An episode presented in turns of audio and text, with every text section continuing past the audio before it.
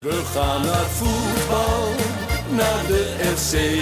En dan is het eh, is Jan van Dijk die de wedstrijd beslist. Ja, fantastisch natuurlijk.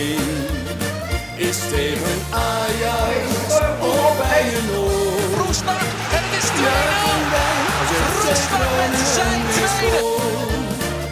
Juichen wij als FC Groningen weer scoort. Conform in de podcast, aflevering nummer 23 van seizoen 4. Mijn naam is Maarten Siepel. Om te beginnen willen wij in eh, 2022 een goed nieuw aantal Petje.affers bedanken voor het supporten van onze podcast. Dat zijn deze keer Robin Schipper, Joran Flap, Willem Groeneveld, Ewoud, Bas Blondeau, Henk Vermeulen, Ture 050, Emiel Miedema en Ferdi Deries. Allemaal bedankt voor het support van Conform in de podcast. Wil jij nou ook toegang krijgen tot extra content van ons? Ga dan naar conforminder.nl. Daarnaast willen we ook even vermelden dat een van onze petje.affers, Ronald Eitens uit Velp, vlakbij Arnhem, die eh, willen wij feliciteren. Want die heeft een kind gekregen, genaamd Sam. Nou, dat is geweldig. Gefeliciteerd. Ge- eh, we kregen het al in de telegramgroep binnen, dus wil jij ook nou... Ja, je ziet, daar wordt lief en leed met elkaar gedeeld Ja. als conforminder leden onder elkaar. En eh, gefeliciteerd. Ja, ongelooflijk prachtig. Dus eh, ja, en ja, hij zei zelf ook al, het is natuurlijk wel een beetje sneu dat je een kind die in rondom Arnhem opgroeit, dat je die FC Groningen moet gaan opvoeden. Ja, dat wordt wel lastig op de basisschool, eh, denk ik. Nou ja, Velp. Volgens mij Marcel van Roosmalen komt daar ook vandaan. Dus daar ken ik Velp van. Ja. Dus, eh, die is daar meestal niet heel positief over. Dus eh, dat past precies bij FC Groningen. Ja, ik- altijd goed om enclaves of exclaves, hoe je het ook noemt, in andere delen van het land te hebben. Ja, nou, de, de luisteraars konden het al horen. Vanuit eh, de headquarters van KVM Media zit ik ook weer dit jaar 2022 eh, wederom met Thijs Faber Ja, mooi. en Wout Rolsappel. Hallo. Jongens, eh, wij hebben ook eigenlijk even een winterstop gehad. Ja. Van, eh, wat is het nu, twee weken of zo? Ja, we hebben Zo? die laatste week nog even in vier dagen drie podcasts Ja, online geknald. zo, En eh, ja, toen zijn we er even tweeënhalve week tussenuit geknepen. Wat, eh, wat, wat vinden jullie eigenlijk eh, van de winterstop? Ik, ik bedoel, ik kan me voorstellen dat misschien ook als podcastmakers, hè, je bent extra betrokken misschien bij de club, omdat je er ook nog naast dat je het volgt, ook nog die podcast moet doen. Vind je het soms ook wel lekker bijvoorbeeld, Hols, dat we Ja, dit was een heerlijk. tussenperiode hebben? Het was, was ook heerlijk om jullie even niet te zien. Ja. maar eh, nee, gewoon eh, Insgelijks. even van dat voetbal af is altijd even een paar weekjes letter, lekker. Maar het moet ook niet te lang duren. Nee, heb jij dat eh, ook, eh, Thijs? Ja, ik was sowieso na die podcast met Vladeris, denk ik, drie podcasts in vier dagen. Toen was ik er ook wel een beetje klaar mee. En helemaal met dat, met dat hele FC Groningen. Eh, kijk, het is nou ook niet alsof je elke week lekker verwend wordt als je naar FC Groningen kijkt. Ik was er wel gewoon even toe aan eh 2,5 weken rust. Ik kreeg ook wel hoop reacties van mensen naar aanleiding van podcast. Van misschien is het voor jou ook goed dat er even winterstop is. Dus eh, En dan, wat hebben jullie nog gedaan? Hols, je bent op ja, ja het, het had nogal wat voet in. Nou, eerst dacht ik van, ik ga niet met al die regels. En het is ook misschien helemaal niet verstandig om te gaan met, eh, weet je wel. Maar ja, de reis was geboekt en betaald. En eh, ik kon ineens een booster krijgen op tijd. Dus ik dacht, ja, ja, ga ik, ja, ik ben ook dom als ik een dief van mijn eigen portemonnee als ik het niet doe. Dus ik heb lekker op de piste gestaan. Maar eh, niet eh, in een skibar hoor. Eh, dat gewoon lekker met de familie. Bijna niemand gezien daar. Dus ik denk dat het eh, wel kon. En Thijs? ja, ik heb eigenlijk 2,5 weken... Voetbalmanager niet- gespeeld? niet zoveel uitgevoerd. Ja, voetbalmanager gespeeld. Beetje, beetje Netflix gekeken. Eh, ik heb nog vijf dagen in quarantaine gezeten. Heerlijk. Ja, ja dus eh, jij ook trouwens. Ja, ik ook. Ja. Veranderde de quarantaine wat van wat je al aan het doen was? Nee. nee. nee. Dat viel allemaal wel mee. En jij? Eh, ja, ik ben even naar Florence geweest. Eventjes naar Florence. Eventjes, Even ja. vijf dagen. Vertel even Dus, over de, de heenweg. Dat was leuk toch? eh, Ja, die heenweg. Dat, ja, Maar dit moet wel kort, want dit is een heel lang verhaal. Ja, in ieder geval, mijn vlucht werd gecanceld van Vueling eh, twee uur voordat we gingen boorden. Ja, ik had dat ook nog nooit gehad, een vlucht gecanceld. Dus ik denk, ja, wat, wat moeten we doen? Moeten we bij de gate gaan kijken? Moeten we weer terug naar, eh, weet ik veel, door... Want we waren al door de douane heen, dus wij weer terug. Toen bij de check-in balie. Nou, we konden wel naar Rome vliegen. Ja, heerlijk. En die vrouw zei, ja, waarschijnlijk wordt er accommodatie geregeld, weet je wel, voor de overnachting. En dan kun je de dag daarna op zijn vroegst, eh, ja, wanneer dat mogelijk is, naar Florence. En wij dachten, nou ja, kloten natuurlijk, maar prima, we gaan het doen. Ja, dan kom je daaraan om half twaalf in Rome. Dan denk je, nou, we gaan... S'avonds. S'avonds. Maar ik dacht al, eh, die groep van Florence, ik wist eerst niet hoe groot die was. Maar toen zag ik al 30 man staan. Ik denk, ja, die hebben geen hotel. Eh, 30 man, ben gek. Ja, toen werden wij door een vrouw werden wij naar, een, eh, naar een bus gerijd. Met een eh, Italiaanse buschauffeur die ook geen Engels sprak. En toen reden we over de ringweg rondom eh, Rome. Ja, toen dacht ik... En toen gingen we dus ook de afslag eh Firenze. Ja, toen dacht ik, eh, ja, kut. ja, dit, dus, maar ja, ik, ik dacht... Ik wist wel, dit ligt best wel wat uit elkaar. Weet je, we zijn in ieder geval qua afstand.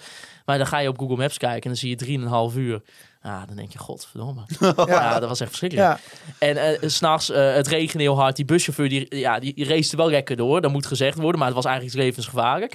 en uiteindelijk om half zes kwam ik 's ochtends aan in, in Florence. Helemaal uitgerust. Ja, ja, nou uiteindelijk, uit- we hebben niet echt wat door verloren of zo. Want alle musea die we hadden en dingen die we wilden zien, hadden we eigenlijk echt pas vanaf de dag daarna gepland. Dus eigenlijk was het uiteindelijk prima. En dat was gewoon mooi.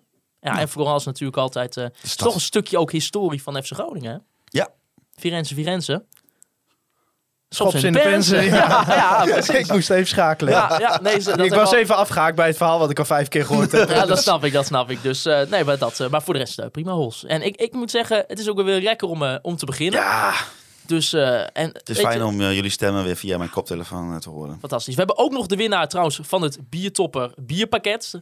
Namelijk na acht, of, eh, 58 wedstrijden inderdaad was het eindelijk tegen Excelsior weer raak. Een penalty voor FC Groningen. Gescoord ook door Mo El Hankouri. We waren zo druk met die laatste podcast als dit er helemaal bij ingeschoten is. Wacht, volgens mij heb ik dan de verkeerde, verkeerde prijsvraag. Of heb jij de verkeerde ke- prijsvraag? De vraag was toch, wie, sco- wie ja. scoorde tegen AZ twee keer? Nee, nee dit, dit was de, de- ja, dat, ik weet niet wat Oh, maar de vraag dan, was. dan heb ik uit het oude bestand lopen. oh, nee, nee, nee, nee. De vraag klopte wel. Sorry, dit klopt wel. Het was omdat we een penalty kregen, hadden we deze winactie. Ja, ja, ja, ja. Sorry mensen, drie weken. dit ja, je, moet er even weer komen. Ja, rustig. In ieder geval, eh, Joel Veenstra heeft het bierpakket gewonnen. We nemen contact met je op, mocht je luisteren nu. Eh, en je krijgt het dan sowieso in de mail eh, te horen dat jij dit prachtige bierpakket krijgt. Dus dat is helemaal mooi. Zeker. Ja, Bedankt, jongens. eh biertopper. Ja, biertop, geweldig. Geweldig bieren. Ga er vooral ook even op de website kijken. Eh, ongelooflijk geweldig. Waar zit ze eigenlijk in de... Zit ze hier in de stad? Of we hebben het een beetje daar via vraag je me eh, wat. Ja, Geen idee. ik veel. Nee, nee, maar in ieder geval ga maar even Staat naar vast kijken. op de website. Ja, die gozer, gozer woont wel in de stad waarvan dit is. Ja, want jongens, de podcast met eh Mark-Jan Verderes. Ik denk wel onze meest besproken podcast ooit. Ja, en eh, eh, zonder dat we het door hadden in het voorbijgaan, onze 150ste aflevering. Ja, dat, ja, dat hadden we ook niet stilgestaan. Dat is Nee. inderdaad ook zo. Maar ehm, tenminste, we gooien dit online natuurlijk heel veel reacties. Jezus, Ehm, dat ook was heel echt- veel... eh, We- we- wij, wij zijn op zich best wel wat gewend. Er wordt best wel veel op ons gereageerd. Maar meestal zeg maar in de dagen daarna mensen zeggen... oh, dit zeiden jullie, daar was ik het niet mee eens, et cetera. Maar ik weet nu nog wel, we hebben natuurlijk vrij vroeg opgenomen. Al half tien of zo. Ja. Eh, en ik had om 11 uur had ik nog een afspraak. En daar ging ik toen naar door. eh, direct vanuit de opname. En toen had ik mijn telefoon even twee uur niet gezien. Ja, ik weet nog wel... Ja, ik had gedacht, nou mensen gaan het s'avonds luisteren. We zien het wel. Want normaal zit ik die reactie altijd wel te kijken. Ik zet na twee uur mijn telefoon weer aan. En toen zag ik allemaal WhatsApp en Twitter. Daar stond zo, weet je wel, 20 plus. Dus dan weet Ja. je al, nou, dit valt niet meer terug te lezen. Zo heb ik eh, gedacht van, nou, ik ga dit met kerst wel een keer teruglezen. Want het begon echt, eh, ja, er werd heel veel op gereageerd. Dus dat was eh, hartstikke leuk. ja, heel veel Ja. verschillende reacties. Hols, hoe heb jij daarna gekeken? Nou, ik, sowieso had ik wat andere rol dit keer, omdat ik zeg maar niet in het gesprek was. Dus alle eh, kritiek, die, of positieve en negatieve feedback, was wat meer aan jullie gericht dan aan mij gericht. Nou ja, Maarten is de dans wel ontsprongen Ja, in, de, oké. in de kritiek in ieder geval. Nee, maar ik heb da- daarom heb ik misschien Er was, ook... er was ook iemand die, Ik heb jullie- die zei nog ergens, eh, dat vond ik wel mooi, die zei van, ja, wat heeft die Siepel, eh, wat moet, zou die Siepel zich schamen voor die Thijs Faber? Ook, ja, toen denk ik, ja, klopt. Ja. Ja. Ja. Nee, maar ja, er zijn wat mensen die vinden dat eh, wij dat niet goed hebben eh, gedaan.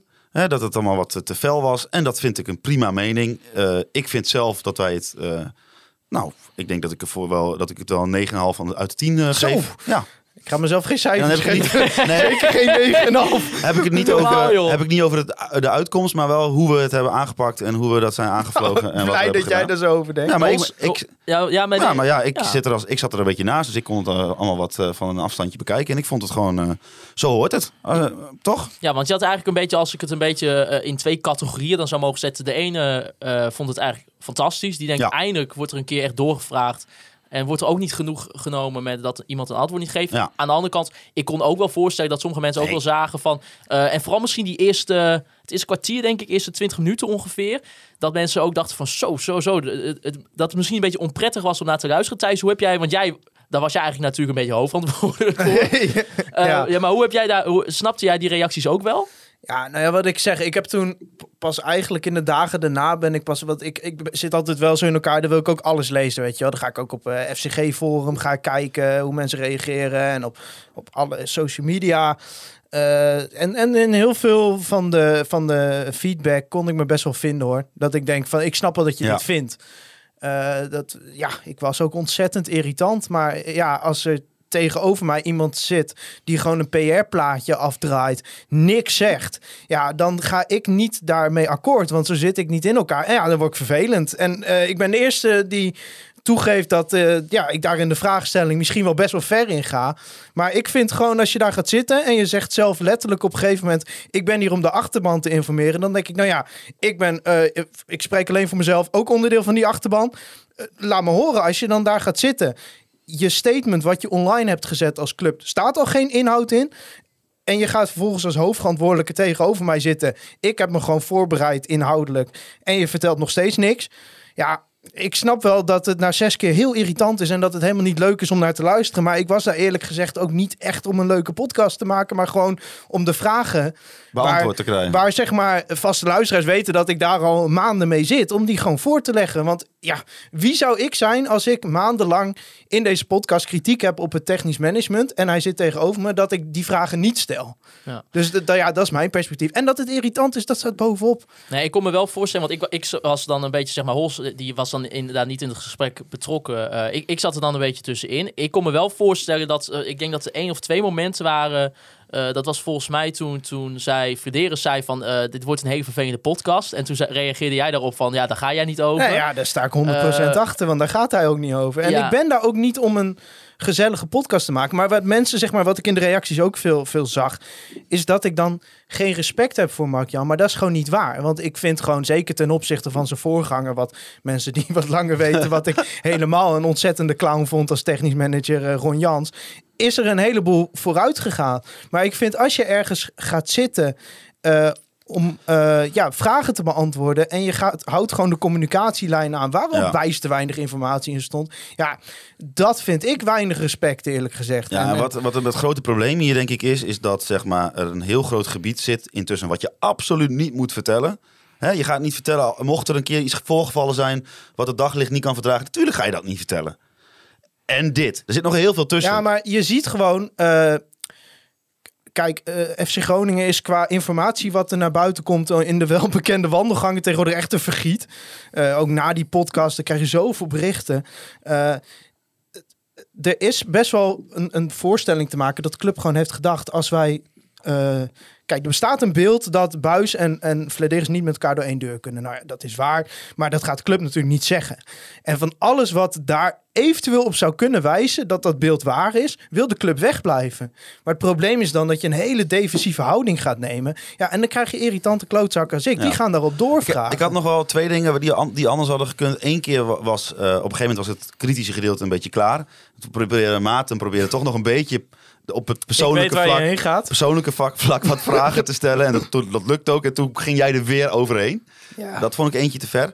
Maar wat ik ook e- even eentje voor ons in de spiegel is, is dat we wel hebben gevraagd aan allemaal mensen om vragen in te sturen. Maar die hebben we niet behandeld in de podcast. Nee, maar het probleem was, Dat ik denk, zo- dat ik denk dat dit, zeg maar, qua, qua script, lengte ook vooral van het script en van hoeveel stukken van Voetbal International en oude afleveringen van onszelf, oude afleveringen met Mark-Jan Vladeris, we door zijn gegaan, was dit misschien wel onze best voorbereide Ja. podcast. Dus ja, we konden heel erg leunen op ons eigen script. En Nee, dat- maar dat Nou, is als gewoon ik- even als- ik- onvolkomenheid. Ja, maar ik ben van- wel, nee, maar daar ben ik, dat neem ik dan vooral mezelf kwalijk. Want uiteindelijk ben ik hetgeen die het script kijkt. Kijk, ik ben er wel mee eens. Kijk, ehm, daar kwam denk ik even twee, daar kwamen twee, eigenlijk twee dingen bij kijken. Eén ding was eigenlijk dat we aankwamen en dat we wisten dat we maar een uur hadden. Ja. Dus dan, eh, dus dan is het al heel erg lastig. En plus dat omdat die discussie tussen Mark-Jan en Thijs zo hevig was, ehm, werden ook bijvoorbeeld ook heel veel luisteraarsvragen werden eigenlijk al zeg maar Ja, soort van beantwoord door het gesprek. En dan is het zeg maar heel Ah, raar als ik er dan wat- ook, want ik wilde op dat moment eh, wat ik heb op, op volgens mij wel op twee momenten heb ik dan wel een soort een beetje ingegrepen omdat er dan nou, omdat ik denk nou Thijs Faber Ja. die gaat nog Mark Jan hier aanvallen of andersom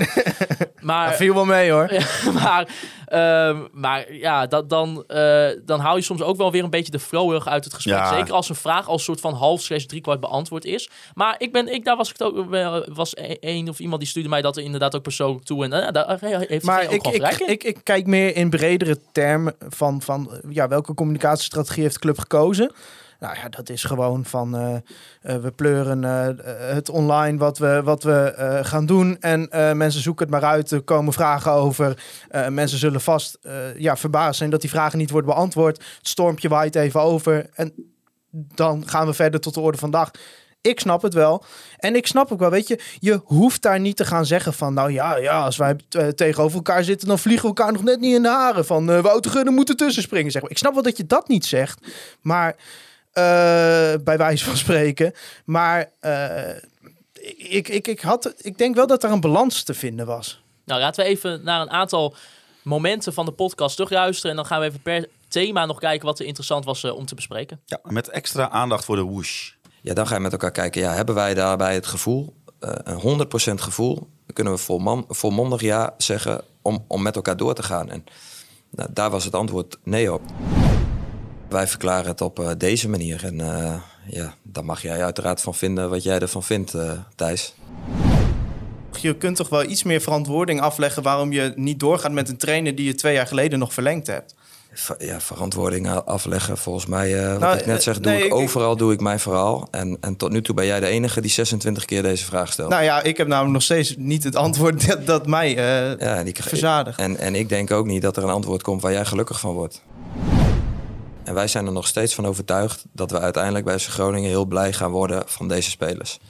Ehm, alleen eh, ja, is, is ook afgelopen maanden wel gebleken ja, dat een aantal van die jongens er niet direct heeft gestaan. Of eh, eh, bijvoorbeeld eh, Kelly, ja, waarbij bij, bij, bij deze staf gewoon wat, wat weinig vertrouwen in hem is. En jij hebt dat vertrouwen wel. Ja, zeker. Sterker nog, ehm, ik heb een bod gehad van een hele grote Scandinavische club die hem nu wil kopen. Dus ja, het is ook niet zo eh, dat die jongen nou eh, eh, heel slecht in de markt ligt of zo. Ja, die jongen heeft gewoon een aantal voorwaarden waarvan wij denken dat die heel interessant zijn. Ehm, nou ja, en, en daar denken we wat anders over. Maar dat kan, hè? Wij denken, tenminste, als je mij vraagt, ik denk dat dat Suslov zijn beste positie is. Jij denkt niet van die zou iets aanvallender moeten staan. Nee, nee, want ik denk, ja, kijk wedstrijden maar terug. Op het moment dat Thomas echt in wat kleinere ruimtes komt, dan is hij nog wat te druistig. En dan eh, speelt hij regelmatig de bal wat te ver voor zich uit. Terwijl hij heeft juist een, hele goede paas. Nou, die kan die ook vanaf die positie makkelijker kwijt. Want als je al voorin staat, ja, dan kun je niet meer helemaal naar voren pasen. Ehm, en, en echt in de kleine ruimte, ja, daar heeft hij wat meer moeite. Daar, daar vind ik bijvoorbeeld een speler als Iran Does beter. Kijk, wat eh, de media doet, die haalt elke nuance eruit. Dus hoe ik het zeg, is... eh, eh, we, we vinden dat Groningen mee moet kunnen spelen om de play-offs. En, en dat kan ook met deze groep. Want wij kunnen zomaar nog de play-offs gaan halen. Dat kan zomaar. Alleen, het is niet bedoeld als een, als een afrekendoelstelling of zo. Het is een doelstelling, waar werken we naartoe... en wat willen we graag als FC Groningen? Dat is ons doel. En ja, uiteindelijk kun je een doel ook niet halen. En dat is niet zo dat we dan zeggen... als je dat doel niet haalt, ja, dan eh, houdt het allemaal op. Of dan eh, gebeurt er dit, of dan gebeurt er dat. Dat is helemaal niet de, de, de, ehm, de achtergrond van een eh, doelstelling. Ja, veel onderwerpen, ook veel eigenlijk interessante dingen gezegd die we misschien niet hadden verwacht van zo. tevoren. Hey, als we eerst even kijken naar eigenlijk de uitleg, want dat was wel natuurlijk het grootste vraagpunt rondom deze podcast. Waarom gaat FC Groningen niet door met Danny Buis na vier Ja. seizoenen? Ehm, de grootste kritiek die wij eigenlijk daar een beetje op hadden, en ik denk ook wel veel supporters, is dat er eigenlijk een, een grote uitleg ontbreekt. Ja. Ehm, de- eigenlijk is de conclusie, ze zijn Nou, een twee-eenheid. Kijk, wat, wat, het, wat het denk ik een beetje is, is dat eh, eh, doordat er zo'n sumiere uitleg is gegeven, vinden mensen dat de uitleg ontbreekt. En dan zegt Flederis, ja, maar kan- die uitleg kan ik niet geven, want dan eh, beschadig ik hem. Terwijl als je iets verder was gegaan in de eerste uitleg, namelijk had gezegd, eh, nou, ik ben eh, voor, eh, voor twee jaar geleden ben ik hier aangetreden. Toen zat Danny hier al. Nou, ik was net nieuw, dus op dat moment hadden we geen enkele reden om een goed presterende Danny Buis weg te doen. Nou, we zijn nu in totaal zometeen vier jaar werkt hij bij FC Groningen. Ik, heb- ik heb nu tijd gehad om mijn visie hier op te bouwen. En ik denk dat het gezond is voor een voetbalclub om dan na vier jaar te zeggen tegen de trainer: Nou, we hebben genoten van onze samenwerking, maar we gaan nu zetten we hier een punt achter. En dat ik een trainer kan kiezen die bij de, eh, eh, wat ik hier aan het opbouwen ben, wie, die daarbij past. Waarvan ik denk, ja, die moet ik erbij hebben. Want inderdaad, Danny Buis en ik, nou, we hebben wel eens een strijdje. Weet je, als je het al op die manier had gezegd, bijvoorbeeld, misschien iets andere bewoordingen, denk ik dat dan al heel veel mensen zouden van, ja, nou, dat is best logisch, toch? Ja, Thijs, hoe, hoe denk je, hoe ver had Groningen die grens misschien kunnen leggen in het communiceren daarvan? Naar jouw mening in ieder geval. Ja, weet je, vooropgesteld, FC Groningen is in principe aan ons eh, niet de exacte uitleg verschuldigd. Eh, maar ik ben het in die zin heel erg met Hols eens. En, en het is ook niet alsof ik dit voor het eerst hoor, want we hebben het hier natuurlijk veel met elkaar over gehad. als FC Groningen gewoon had gezegd inderdaad van nou ja, we zijn met z'n allen tot de conclusie gekomen dat onze visie te ver uit elkaar ligt en dat we eh, ja, op dit moment geen twee eenheid zijn. Nou, dat is een stukje van hun communicatie erin. Zodoende lijkt het ons voor alle partijen beter om naar vier uit elkaar te gaan. Als ze dat hadden gezegd, dan had ik misschien nog een keer gevraagd, nou, wat is dat verschil in visie dan? En dat is een punt. En daar komen we weer terug op die eerste uitleg. Dat is een punt waarop je kan zeggen. Ja, maar dan gaan we in de details treden. En dat eh, vind ik niet helemaal chic om dat allemaal naar buiten te gooien. En dan, ja, dat vind ik toch een stuk beter. Klopt, dan gewoon, is- gewoon zeggen, want hij zegt van ja, er zijn factoren en omstandigheden. We zijn geen twee-eenheid, Danny Buis de Groeten. Dat zegt hij eigenlijk. Eh, eh, om het zomaar even vrij te interpreteren. Eh, het, het is ook lastig om een communicatielijn te vinden. Ja. Eh, en, en vooropgesteld, ik vind de beslissing helemaal niet gek om niet met Danny Buis door te gaan. Sterker nog, ik ben voor een nieuwe trainer. Als ik gewoon, als je mij op de man of zou vragen, nieuwe trainer ja of nee, ben ik met de huidige omstandigheden gewoon voor. Ja, een nieuwe trainer is ook goed na vier jaar. En ook zeker die dan bij het nieuw bedachte... Prima, Pad het, het is past. helemaal, het, het- dat, is dat is het ook. Want eh, we moeten ook niet doen alsof het een rare beslissing is. Nee, maar kijk, als maar jij... ik vind wel dat het een beslissing is. Kijk, eh, Danny Buis is niet in onder alle supporters zeg maar unaniem een, eh, een toptrainer. Dat is ook niet zo. Soms bestaat het beeld wel eens. Maar heel veel supporters hebben wel een zwak voor Danny Buis. En daar hoor ik zelf ook bij. Eh, ik vind dat je zeker aan, aan die groep van de achterban... ben je wel meer uitleg verschuldigd dan wat je nu gegeven hebt. Zeker als je... eh, kijk, Gudde zegt altijd... we willen wel transparant zijn... maar dat kunnen we niet altijd. Ja, en bij Vladeris is de houding altijd... ja, we zijn transparant over wat we doen. We willen de achterban informeren. Ja, dat valt niet te rijmen met de manier waarop ze het nu hebben weggezet. Nee, en wat ook een klein beetje hierbij speelt, is eigenlijk een beetje omgekeerde psychologie. Want door heel erg de nadruk te leggen op dat je dingen niet gaat vertellen, wek je het idee dat er dus heel veel dingen zijn om niet te vertellen. Ja, en, en vooropgesteld... eh, het is ontzettend te prijzen voor Mark-Jan Vladeris... dat hij gewoon eh, de dag na dat Ja. nieuws bij ons gaat zitten. Ja, ja nee, dat is, uh, bu- want buiten kijf. want ja, dat, dat is gewoon, dat, daar toon je wel moed mee. Want je weet gewoon, weet je, hij, hij komt binnen en hij zegt... nou, ik luister wel eens naar jullie podcast, ik word er niet vrolijk van... wat jullie over mij zeggen. Ja, ik snap dat wel. Eh, maar hij gaat er wel zitten, dus Ja. hij, hij weet ongeveer wat hem dan ongeveer te wachten staat, zeg maar. Eh, maar hij doet het wel, dus hij gaat het niet uit de weg. Maar ik vind wel, als je besluit om er te gaan zitten... Kijk, ik, ik vind het niet echt, maar iets in mij zegt dan ook van ja, als je dit zegt, ga er dan niet zitten. Nee, het- eh, en, eh, Maar goed, ik, we zijn ik nu- wilde het liever wat over de inhoudelijke uitspraken Ja, hebben dan want- over dit gedeelte. Precies, maar, want we hebben het nu al best wel lang over, zeg maar, alleen maar over het communicatieve gedeelte. ja, ja, want, want ah, nou ja, we hebben die montage, die zit er niet voor niks in. Ja, daar zitten wel een aantal dingen in die die gewoon, waar die zichzelf ontzettend in tegenspreekt, vind ik. Ja, nee, maar ook nog toch wel het laatste. Kijk, dat je, ik vind, waar, waarom eh, de heerst, en dat is misschien in, in andere zaken van het voetbal is dat ook wel zo, waarom heerst er zo taboe op dat je gewoon op een vriendschappelijke manier, eh, of ja, misschien, of er zit een- misschien wel een beetje volk, maar waarom kan je niet iets meer benoemen dat er een bepaald verschil zit in bepaalde eh, factoren? Hè? Dus als het kan het voetballende gedeelte zijn, dat zou ook best kunnen zijn dat je eh, misschien communicatief wat minder met elkaar. Van de, als je daar toch beide het over eens bent en je, eh ja, je slaat elkaar niet in elkaar dagelijks op, op Corponero of op het stadion, dan kan je, maar dan kan je toch, toch prima in een statement vanuit beide kanten gewoon dat vertellen. Ja, Ja, ik weet niet. Misschien, misschien niet. eh, misschien maar vinden anderen dat niet hoor. FC Maar, Groningen was natuurlijk wel bang dat door druk van buiten, ook vanuit de media, en dingen die zij zouden zeggen over de relatie tussen Buis en Flederis, dat er een onwerkbare situatie zou ontstaan. En ze zitten wel in hun achterhoofd met van dat de spelersgroep nog achter Buis staat. Dat hebben ze na Sparta eh, toen. Toen hebben ze een indringend gesprek gehad. Dat is toen ook naar buiten gekomen van we hebben met elkaar gezeten. En toen is er ook gepeld bij de spelersgroep. Is er nog steun voor deze technische staf? Nou, dat was er. Dus met dat in het achterhoofd en dat ze graag Danny Buis door de voordeur naar buiten laten gaan. Ja, is het niet gek om nu een beetje om de hete brei heen te draaien misschien. Maar je moet ook niet gek opkijken dat er wel een heleboel mensen dan vragen gaan stellen. En ja, je hebt om een beetje om de hete brei heen draaien en gewoon een kill statement op de site pleuren.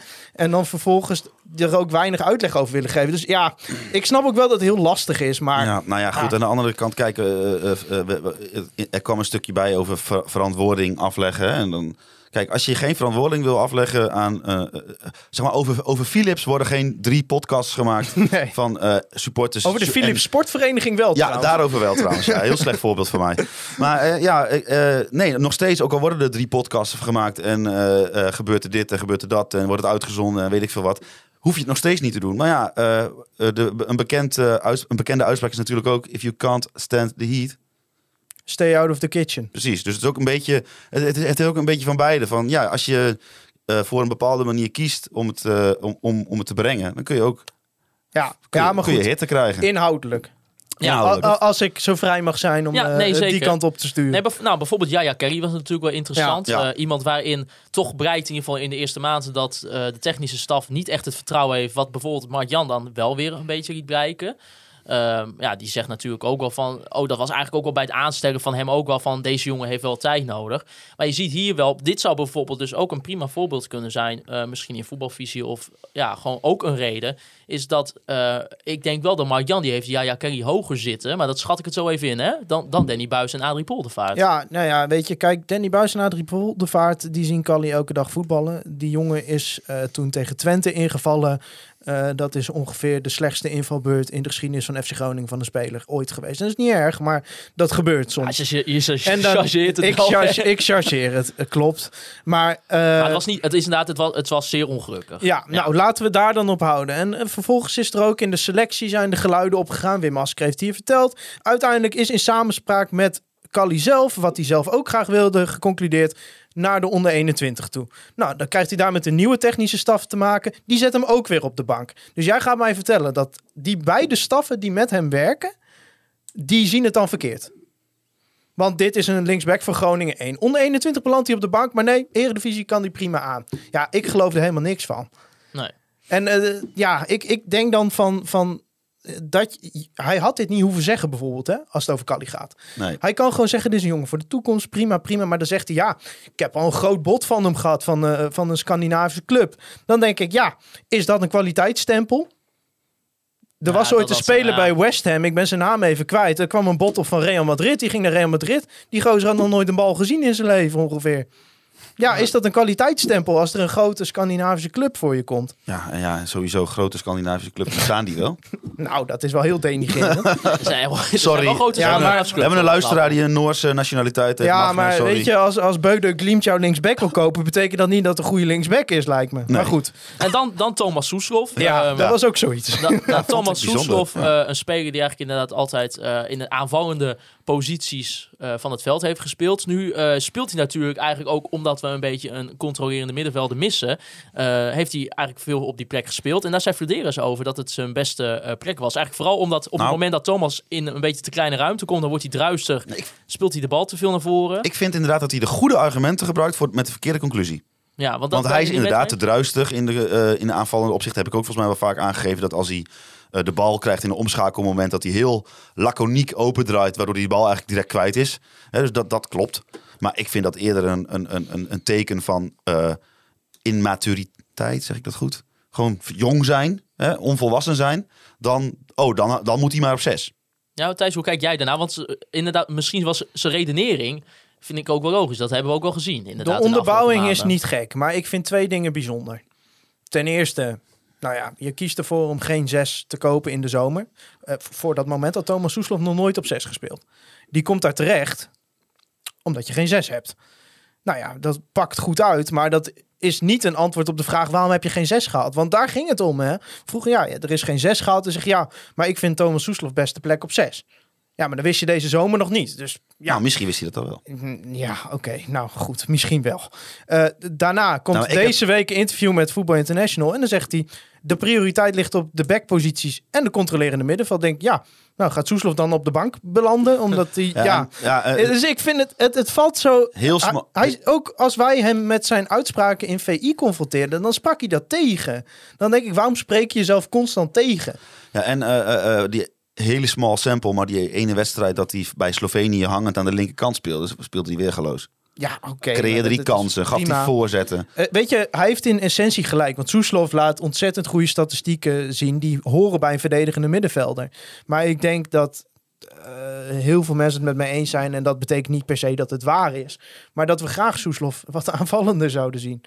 Ja, maar ik kon hem wel volgen inderdaad dat, dat je wel merkt als hij toch niet heel veel ruimte heeft, dat hij dan inderdaad wel Ja. eh, Ja, of, of te eens. laconiek is, of misschien inderdaad eh, ja, toch wel te, te, te Maar makkelijk dat is toch ook gewoon de leeftijd en Ja. wennen aan het hogere niveau. Ja, maar als jij dan tempo. nu alsnog een 6 haalt, wat, moet, dan moet Soeslof weer voorin. En dan zeg je dus eigenlijk, we gaan ons grootste talent gaan we niet op zijn beste plek neerzetten. En dan een raadsel, dit viel jou vooral op Ja. tijdens het gesprek. Dit was ook een, eh, wel een topic eh, in de koffiecorner. Ja, vond ik hier- erg Dit was grappig. ook iets wat Stefan Breker Ja, dat vond ik echt heel ging. grappig. En dat was eigenlijk een moment dat, dat Verderes het over de media ging hebben. Ja, ik zat natuurlijk aan de zijkant, dus ik had echt nou, ik denk, geen invloed op de inhoud. En toen hij dat zei van, ja, dat heeft de media, die doet dat. Zeg maar een beetje, om het eventjes heel ongenuanceerd te parafraseren. Toen dacht ik, ik ging eigenlijk meteen rechtop zitten van, nou, nu zullen ze er wel even wat van zeggen van, de, de, de media? Hoezo de media? Nou, Stefan Bleker deed dat dus exact in eh, het gesprek in de koffiecorner. Want wat ik daar een beetje gek aan vind is, ja, eh, Buis zegt die dingen gewoon. Hè, over dat hij niet realistisch vindt om de play-offs te halen met deze selectie. Dat is niet iets wat de media verdraait. Het is gewoon iets wat de media, hè, in dit geval vaak Stefan Bleker, gewoon letterlijk uit de mond van Buis op hun website zet. Dan is, zou je eerder kunnen zeggen, ja, wij moeten misschien iets beter overleggen wat er in de media wordt gezegd. Dat zou een beter eh, antwoord zijn geweest dan de media halen dingen uit hun context. Of, Ja, want wat, wat Verderes dan eigenlijk een beetje zei, die zegt van ja, natuurlijk, eh, dat is iets wat FC Groningen zou horen te doen normaal gesproken. Maar het is ook wel een proces waar we naartoe werken en het is ook zeker geen afreken. eh, factor in de zin van een eventueel of Danny Buis wel of niet verrengd eh, ging worden. Ja, maar dat, dat, dat, dat is een heel sterk argument, vind ik. Alleen dat is wel iets wat hij een beetje boven de bedrijven heeft laten hangen. Dat had, misschien iets, dat had je misschien ook proactiever kunnen communiceren. Ja, want zoals wat hij dan zegt, ja, als ik dat dan misschien niet zou zeggen en dan zou zeggen, oh, ik neem genoegen met een eh, twaalfde plaats, Thijs, dan, dan zou dat zeg maar niet ambitieus zijn. Nee, eh, ik, ik vind prima. Eh, ik vind zijn uitleg prima, maar ik zou het niet in elke interview zeggen als je er vervolgens zegt geen waarde aan te vinden. Ik bedoel, eh, aan het koffiezetapparaat worden bij Groningen KPI's gekoppeld. Hè, resultaatdoelen. Als koffiezetapparaat niet duizend kopjes zet, dan wordt hij eruit geflikkerd. Dus je gaat mij niet vertellen dat dat op het sportieve gedeelte dan eh, geen waarde heeft. En dat zegt hij ook niet, dat, het geen, dat het geen waarde Nee, heeft. maar hij heeft natuurlijk... Maar eh, ik vind, weet je, er wordt dan naar gevraagd en hij zegt van ja, deze selectie kan de Europese play-offs halen. Nou ja, dat wordt het gewoon een subjectief dingetje. Ik denk namelijk dat dat eh, absoluut niet kan. Maar het, het, ik, ik vind hoe hij dat uitlegt helemaal niet gek eigenlijk. Nee, ik ook niet. Maar eh, als er al, zeg maar, als er in de media wordt gevraagd constant aan de trainer van, hé, je moet de play-offs halen, denk je dat dat kan? Als wij het erover hebben, dan wil ik onszelf niet te groot maken, maar als andere podcasters het erover hebben, dan zou je ook een keer kunnen denken, hmm, dit wordt wel heel vaak te sprake gebracht. Misschien moet ik hier even een keer een verzachtende eh, opmerking in een interview maken, zodat in ieder geval duidelijk is van, tuurlijk, we willen, we willen die play-offs halen, dat hoort bij Groningen. Maar soms, soms, soms zijn er omstandigheden waardoor dat niet lukt. Nou, je Ja. ziet bij Danny Buis is het ook vaak een topic in de interviews. Hè? Ja, Dan daarom. wordt er gevraagd van, kun je met deze selectie zevende worden? Zegt hij, nou, op dit moment niet. Eh, ja, dat lijkt me vrij definitief. Nou ja, volgens Mark Jan zei die de dag erna alweer wat anders. Maar, eh, Maar kijk, het, eh, ook daarin is het weer niet zo zwart-wit. Het is niet of je wordt eh halt Europese play-offs en hij wordt- ontslagen, of hè, helemaal tegenovergestelde. Je kunt best een beetje laveren, om een beetje, een beetje handig zijn. ja, maar je met, moet eh, ook met- niet te veel waarde aan zo'n doelstelling. Misschien probeert hij dat wel te zeggen. Ja, nou, want ik denk, hij, heeft- hij volgens mij wel ook wel in datzelfde VI-interview en misschien ook wel bij RTV Noord heeft hij ook wel eens eh, vaker gezegd van ja, het heeft nou eenmaal ook tijd nodig met zo'n nieuwe groep jongens, maar dan vind je misschien wel, had er nog iets nadrukkelijker kunnen zijn? Nou ja, als het, echt, eh, als het bij ons en bij RTV Noord, bij de koffiecorner, echt zo'n hot topic is, dan kun je daar best proactief op communiceren, denk ik. Eh, Devon die had een vraag. Die zegt: Hebben jullie het idee, na de woorden van Verderes in de podcast, dat de tweede seizoen zelf heel veel anders gaan zijn? We gaan er natuurlijk even de raadse ontwikkelingen bespreken. Ja. Maar Thijs, hoe kijk jij een beetje in het kort aan richting de tweede seizoen zelf? Zeker nu we dat gesprek met Verderes hebben gehad. Nou, je hebt, je hebt twee, twee factoren die daarin eh, belangrijk zijn. Van eh, hoe gaat die samenwerking tussen de te- technische staf en, en technisch management ook het komende half jaar. Ze zullen het toch met elkaar moeten doen. Eh, ja, het is wel onrustig onderling. Ik bedoel, kijk, Danny Buis is heel recht voor zijn raap. Dus een trainer die graag als een olifant door een porseleinkast gaat. Maar ja, Mark-Jan Vladeris is dan een technisch directeur die graag de scherven oppakt en ze nog een keer tegen de muur aan smijt, zeg maar. Dus dat is wel iets wat gewoon het afgelopen half jaar en ook daarvoor voor conflictjes heeft gezorgd. Eh, en, en zeker nu zeg maar definitief is dat ze uit elkaar gaan. Ja, dan zal daar ook van buiten meer nadruk op liggen. Het is zeg maar een soort... Want de eh, suggestie bestaat bij iedereen die FC Groningen volgt. Die twee kunnen niet met elkaar doorheen. het is een soort, zeg maar, een soort gescheiden huwelijk. Maar vanwege de kinderen blijven we nog in ieder geval nog een half jaar staan. ja, dat is wel een hele goeie, ja. En ja, nu heeft, maar Danny, je, Buis, en- nu heeft Danny Buis misschien iets meer ervaring bij, bij Adrie in bed liggen dan bij Mark-Jan. dit eh ontspoort. Ehm, ik, ben, ik ben het helemaal klaar. Ja, Ik ben het, A- A3 met Danny in een bed. Je, je wordt een beetje... dit is wel heel erg... eh, oh, omdat... Hij bij Adrie in huis gewoon geslapen ja, heeft. precies. Een Ja. week bij A3 geslapen. Oké. Ja. Eh, ik pak hem weer op. Eh, maar ondertussen, eh, wat nog een belangrijke factor is... en ik denk een stuk belangrijker dan al dat andere gezeik... want als je wint heb je vrienden... dus als je goed speelt, dan is dat andere gezeik ineens een stuk minder aanwezig. Zul je zien, als we überhaupt nog gaan winnen. Eh, maar er zijn wel... Nee, ik bedoel meer als het beter gaat, dan zal het daar minder over gaan. Ik denk wel dat we nog een wedstrijd gaan winnen. hoor. Ja, maak je niet druk. Maar eh, Oh. daarvoor zal wel een kwaliteitsinjectie nodig zijn, denk ik. En, en dat is ook een van de... Mooi eh, woord. van de... eh, je brengt mij elke keer van mijn stuk. Van de opmerkelijke dingen die Flederis zei. Van ja, eh, ik weet niet of we een speler gaan halen. Het moet wel een directe versterking zijn. Vind ik dat niet zo'n hele gek, heel Nee, gek ik idee. vind het ook niet, maar ik vind het ook niet heel... eh, dat, dit vind ik dus wel weer verstandig, want nu zet hij gewoon laag in qua verwachting. Kan het alleen maar meevallen. Ja, maar je zegt wel, maar met deze selectie moeten we ook play-offs kunnen halen. Nou, dat denk ik dus niet. Maar eh, Maar ook daar is... Dat, ja goed, dit gaan we weer helemaal op de communicatie. Ook daar nee, snap hou nou eens op met de Ja, communicatie. maar ook daarin snap ik we zijn hebben nu uitspraak al wel. eh, 40 minuten over de communicatie gehad. En daar, ik snap zijn uitspraak wel. Want we hebben het... we hebben het, nou, we, we hebben Ja, ja, ik snap wel dat hij gaat daar niet zitten en zeggen van... nee, je hebt helemaal gelijk. 14e, lelijk voetbal en we kijken volgend jaar wel weer. Ja, dit is Maar dat hij dat gewoon is iets gezegd, anders. Nou, Thijs, weet je wat het is? We hebben nu de hele tijd hebben we Nou, ik ben wel met je eens. Ja. een enorme kutselectie. ja. Die Kali kan er geen kloten van. Weet je wat? Als er weer een bot komt, verkoop hem blind. Maakt me niet uit. Nee, dat gaat hij niet zeggen. Ik heb Dus- ook namelijk een, aanbod gehad van een hele kleine Scandinavische club. Eh, Ga ik nu gelijk adverteren. Ja, weet je wat? Ik bel hem nu op. Ja. Nee, ik snap wel dat hij dat niet heeft gedaan. Eh, maar ja, ik, ik ben van mening dat eh, zeg maar, wel belangrijk gaat zijn wat er op de transfermarkt gaat gebeuren. Nou ja, ze zijn natuurlijk volgens RTV Noord met die Sheikh Nias bezig. Ja. Van Lille. Eh, ja. Ja, nou ja, die komt deze zomer nog voor 10 miljoen naar Nottingham Forest. Dus ik denk wel dat hij op zich er wat van kan.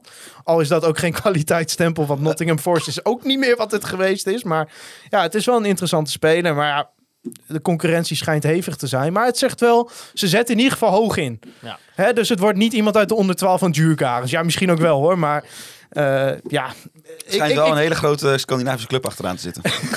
ik, ik ben het wel met het standpunt eens. Het moet wel directe versterking zijn. Maar ik vind wel dat er ook wel wat bij moet, zeg maar. Dus Ja. daar Maar- zit ik een beetje tussenin. En nou, wat nou als, als, als ze de kans krijgen om toch weer zo'n eh, jonge gast van 17, 18 aan te trekken? Eh, Dit is echt de Ja, buitenkansje. nou, vanuit de onderbuik ben ik daar wel een beetje klaar mee eigenlijk. dat we dat verhaal weer moeten horen. Nou, we hebben een nieuwe speler. Ja, geef hem maar eerst maar twee jaar. Ik bedoel, Iran Dust heeft ook meer op de massagetafel gelegen dan minuten gemaakt tot nu toe. Dus. Ja.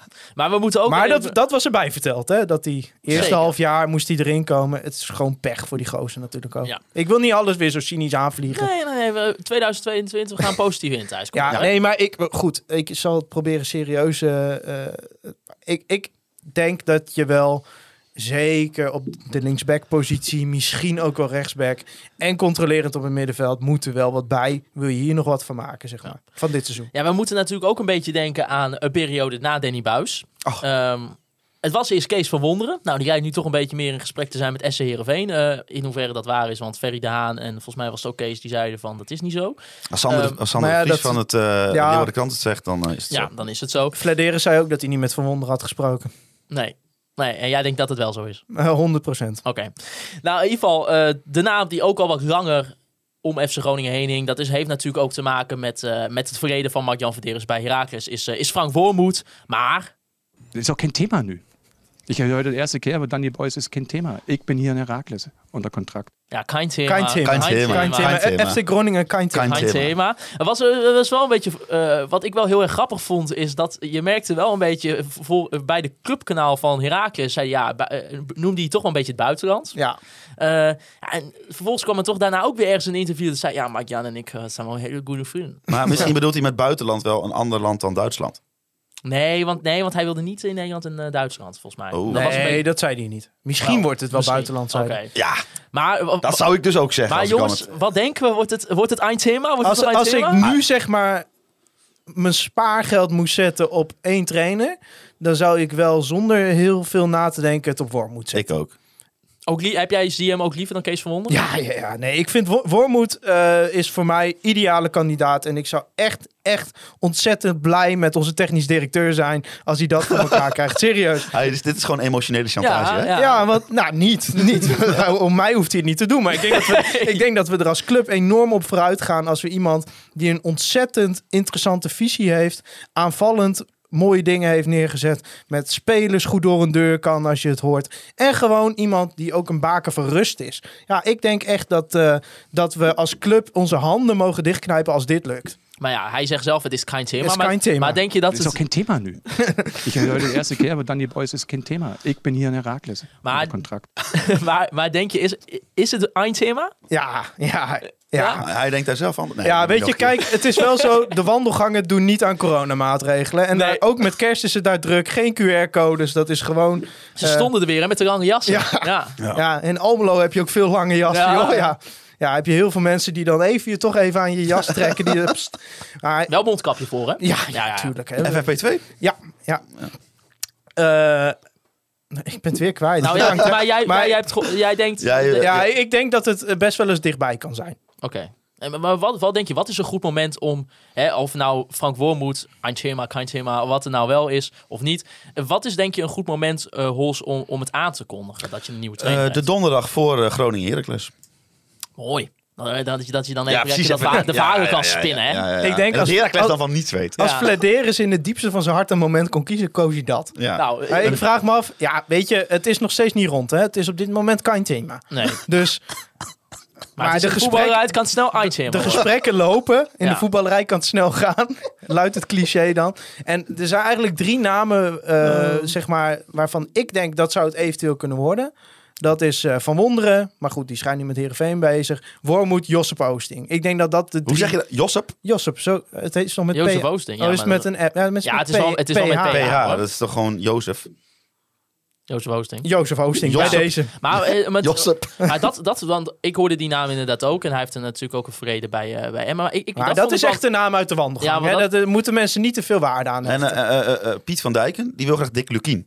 ja, Ja, dat, die, Ja, die hoor je ook wel vaker, eens. eh, die zie ik best wel vaak. Maar Is dat een beetje een, een, een wat, eh, ja, hoe zeg je dat? Eh, lange zijde eh, mening misschien? Eh, lange zijde mee. zo, dat een mooi woord. Maar Nou, ik, ja, weet je, kijk, Lukien heeft bij Emmen goed gedaan. Hè? Laten we dat voorop stellen. maar aan de andere kant, hij is ook wel gedegradeerd. Terwijl die... eh, best prima materiaal Ja. had. Hij staat Nee, ik dat niet het- geweldig ervoor, terwijl hij best wel prima begroting Ik heeft. denk dat, dat Dick Lukien samen met Marcel Groningen, zeg maar, die, die, die hoek, dat is een, dat is een, emo, een emotiekeuze voor mensen die al heel lang FC Groningen Oh, en Dick Ja. Lukien is ook een geweldig vent hoor. Maar ik, weet, ik, ik, vind, ik vind niet dat Dick Lukien zo goed heeft gepresteerd bij Emmen. En je kan zelfs inderdaad, vind ik, argumenteren dat hij met het materiaal wat hij had in het seizoen dat hij degradeerde, dat, er, dat het niet had gehoeven. En zeker nu ook niet per se zo'n geweldige indruk maakt dat, dat ze eh, bovenaan staan met 10 punten los. Ja, en wat denk ik een van de grootste argumenten is natuurlijk, is dat Flederis ook met deze keuze om niet met Danny Buis verder te gaan, maar voor een nieuwe te gaan. Dat is echt een nieuwe kant op te gaan. En met Dick Lukien grijp je toch weer terug op iets wat al was. Ja, kijk, eh, je, Dagblad had ook zo'n lijstje, weet je wel. Er staat een Joop Gal op. Dat, Sarina kun je- Wiegman. Kun je invullen. Dat zou ik wel Sarina echt kult Wiegman. vinden trouwens, zeg. Ja, Niet, dat- eh, niet op de inhoud. Ik weet het niet. Ik weet niet. Ik, ik ken haar niet als trainer. Nee. Dus eh, geen idee. Ik kan daar niks over zeggen. Het zou, maar het zou geen maar, ik denk dat, ik denk dat degene goed- die haar in dat lijstje heeft gezet, haar ook niet kent als Nee, trainer. maar dus dat is meer mijn punt. Voor de, het verhaal zou het wel tof zijn als Groningen de eerste club zou zijn met een vrouwelijke co- coach. Ja? Oh ja, ik ben, toch? er, ik, ik, ik ben er ook niet tegen omdat ze een vrouw is. Maar Nee, nee, nee. het is meer, ik ken haar niet als trainer, dus geen idee. Nee, ik kan inhoudelijk inderdaad echt niks over zeggen. Maar ja, Maar, eh, ik, wij, ik- zetten wel, wij, zetten Ja. ons, wij hopen op Wormoed, laten we eerlijk zijn. Ja, en ik zet inderdaad Ja. wat Thijs zegt. Als ik, me, als ik al mijn spaargeld met het pistool op mijn hoofd ergens op moest zetten, dan zet ik het op eh kein thema. Ja, en ik denk dat dat echt een, eh, echt een, een geweldige nieuwe trainer voor Groningen. Ja, ik ga het gewoon geweldig. Dat, dat is echt. Eindthema. Top. Laten we hopen dat het een Eindthema wordt. Laten we hopen dat het eindthema Ja. wordt. Ja.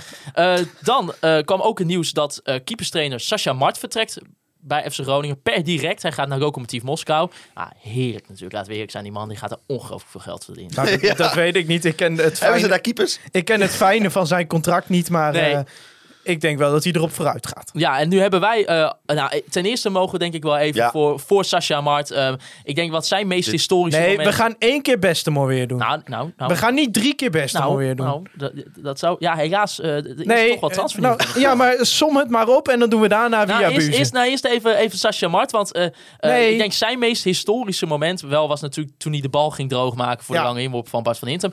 Kwam uiteindelijk geen doelpunt uit. Maar dat is wel eigenlijk denk ik het enige wat ik ga onthouden van Sascha Mart. Ondanks dat het eh, ongetwijfeld een hartstikke goede keeperstrainer was. Maar- Zelden is een keeperstrainer zo dichtbij een voorassist geweest. ja, precies. Dus voor Sascha Mart. Het beste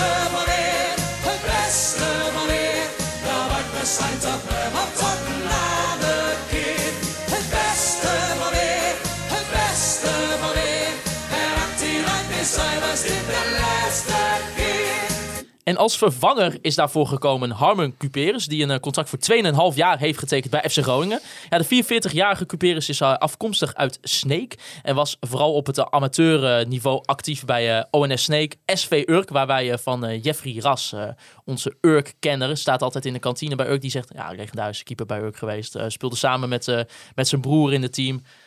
Heeft echt een onuitwisbare indruk achtergelaten bij Urk. Eh, en ook nog eh, bij eh, Spakenburg keeper is geweest. En eigenlijk ook wel onder contract heeft gestaan. Nog bij Cambuur, Heerenveen, PEC Zwolle, Volendam, Telstar en Willem II en FC Emmen. Ehm, daar eigenlijk heel weinig heeft gespeeld. En als keeperstrainer...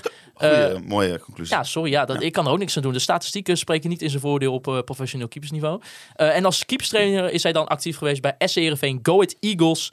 waar hij trouwens de keeperstrainer was onder Kees van Wonderen, dus wie weet. OH Leuven in België, net als KV, naar KV Mechelen, de mooiste voetbalclub uit België. En hij was actief bij Fortuna Sittard, dus recent nog. Ja, als je het een beetje zo kan lezen, als ik het ook in andere artikelen lees. Hij is niet heel erg lang bij clubs actief. Ik weet niet of dat eh, iets is wat bij een keeperstrainer überhaupt eh, zeg maar al gewoon gewoonlijk is. Dat hij niet heel lang blijft. Maar je merkt wel in interviews dat het een, een keeperstrainer is die in ieder geval heel... ehm, ja, echt bezig is om, om op professioneel niveau bezig te zijn. In de zin van, hij vertrok bijvoorbeeld bij Go Ahead Eagles... omdat hij vond dat de club een beetje te Calimero deed. In de zin van, ja, niet dat ze per se amateuristisch zijn... maar hij zocht wel naar iets professioneels als organisatie... als het gaat om topsport. Nou ja, dan is natuurlijk FC Groningen Ja. wel een hele goede stap voor hem, toch?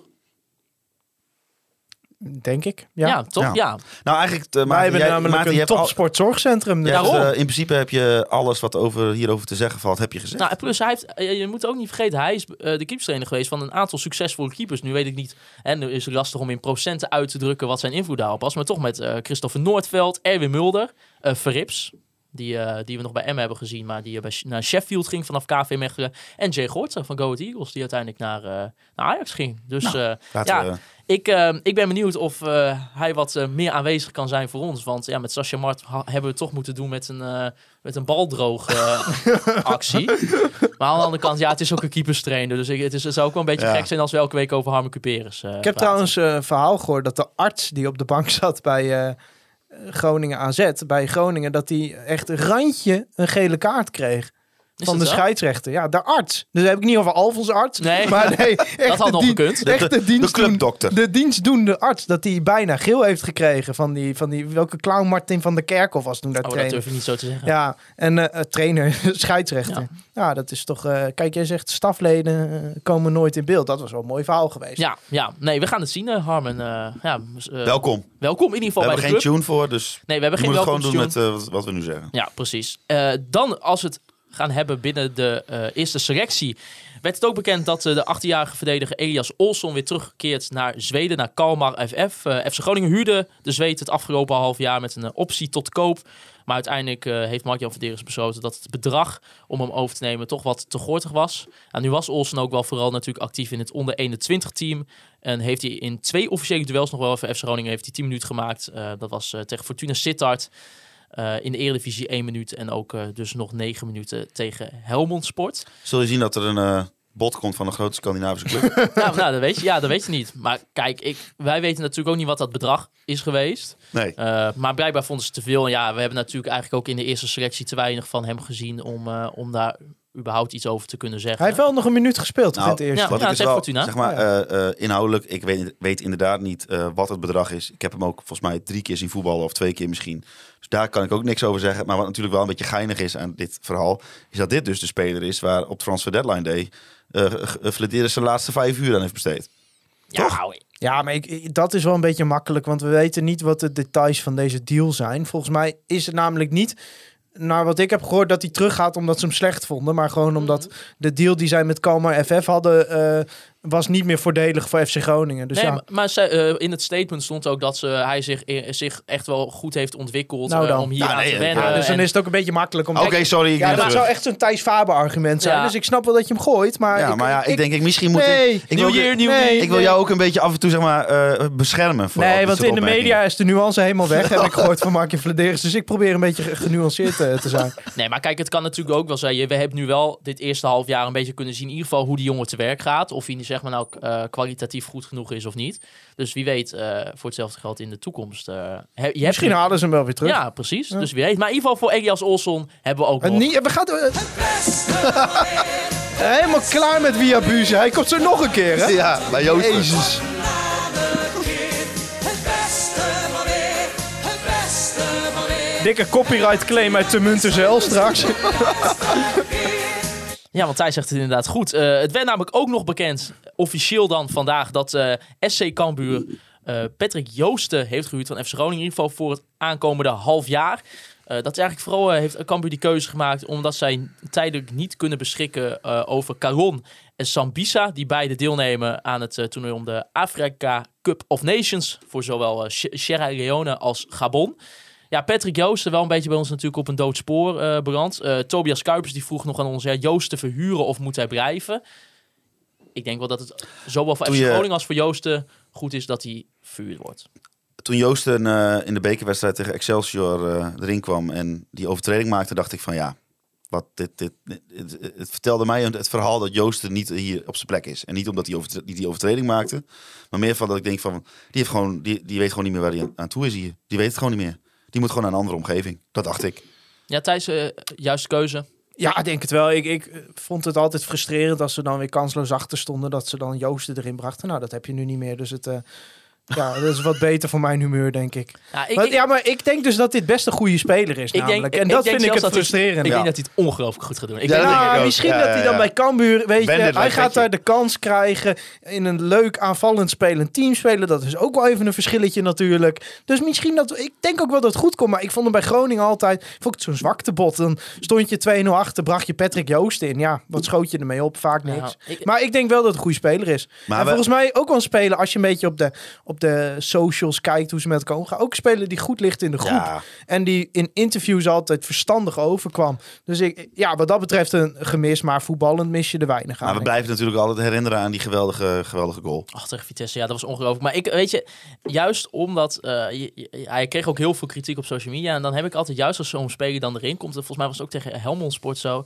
En dan hoop je het zo, hè. Dan Ja. hoop je het zo dat Bentegrijk, Petje, Petje van Oost. Het, eh, het, wa- ja, op een gegeven moment hadden wij een beetje op de tribune, een beetje, daar al de grapjes over, weet je. Elke keer Bentegrijk, Petje, dan kwam je met een schot en dan, nou, dan ging je er eigenlijk eh, nooit in. Eh, en, eh, maar wel altijd op de trainingen. Ja, op de training schoot hij ze er allemaal in. Ja, dat hebben we gezien. eh, Ja. Dus, eh, maar ja, ik denk ook dat het voor hem. eh, je ziet ook, ik, volgens mij, hij wordt er ook niet gelukkig van. Nee. En we, maar we, Thijs, we kunnen hem via Buze niet onthouden. nee. want als het iemand verdient, dat is Patrick Joosten. Het beste van weer, het beste van weer. Daar wordt besluit op hem op tot na de keer. Het beste van weer, het beste van. En achteruit is hij was dit de laatste keer. Ja, want dan toch ook over de transferwindow waar eh, wij in zitten als het aankomt op spelers die we moeten gaan aantrekken. Ja, het technisch eh, directeur Mark-Jan Verderes heeft gezegd, we zijn op zoek naar spelers in ieder geval op de backposities en de controlerende middenvelder. Eh, het is na- na- natuurlijk ook geen geheim dat ze stiekem nog wel een beetje aan het kijken zijn naar Bangura van Cambuur. En eh, Luc Brouwers werd ook al een tijdje genoemd. Nu weten we van Brouwers in ieder geval dat hij niet weg mag van, eh, van Go Ahead Eagles. Ja, het bedrag voor Bangura was in de zomer in ieder geval te groot. Dat is denk ik niet kleiner geworden in Nee, de dat afgelopen denk ik half jaar. niet.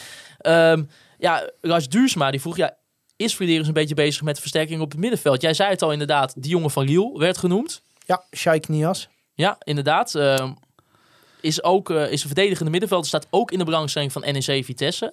Nou, ik denk als het al gaat gebeuren, dan ben ik bang dat hij voor Vitesse gaat kiezen. Zeker met misschien ook nog het idee dat Bazoer vertrekt. Ja, en die hebben financieel ook iets meer slagkracht dan FC Groningen. En, En natuurlijk de Conference League. hoger salarishuis. Ja, staan ook eh, acht plekken hoger dan wij op de ranglijst. Dus je weet het niet. Uh, Flederis moet met een eh, goede PowerPoint komen om dat te overtuigen, denk ik. Ja, nu, nu kan hij dat, dat weten we natuurlijk. Eh, Ja. Al had Strandgras een beetje kritiek op de PowerPoint nog wel. Maar ik, ja, ik denk net wat je zegt. Ik, ik ben bang als het al gaat gebeuren. En nou, het lijkt er wel, want zijn zaakwaarnemer zegt wel dat Nederland een goede plek voor hem zou zijn. Ja, maar Lille wil 2 miljoen, hè? Dat is veel geld.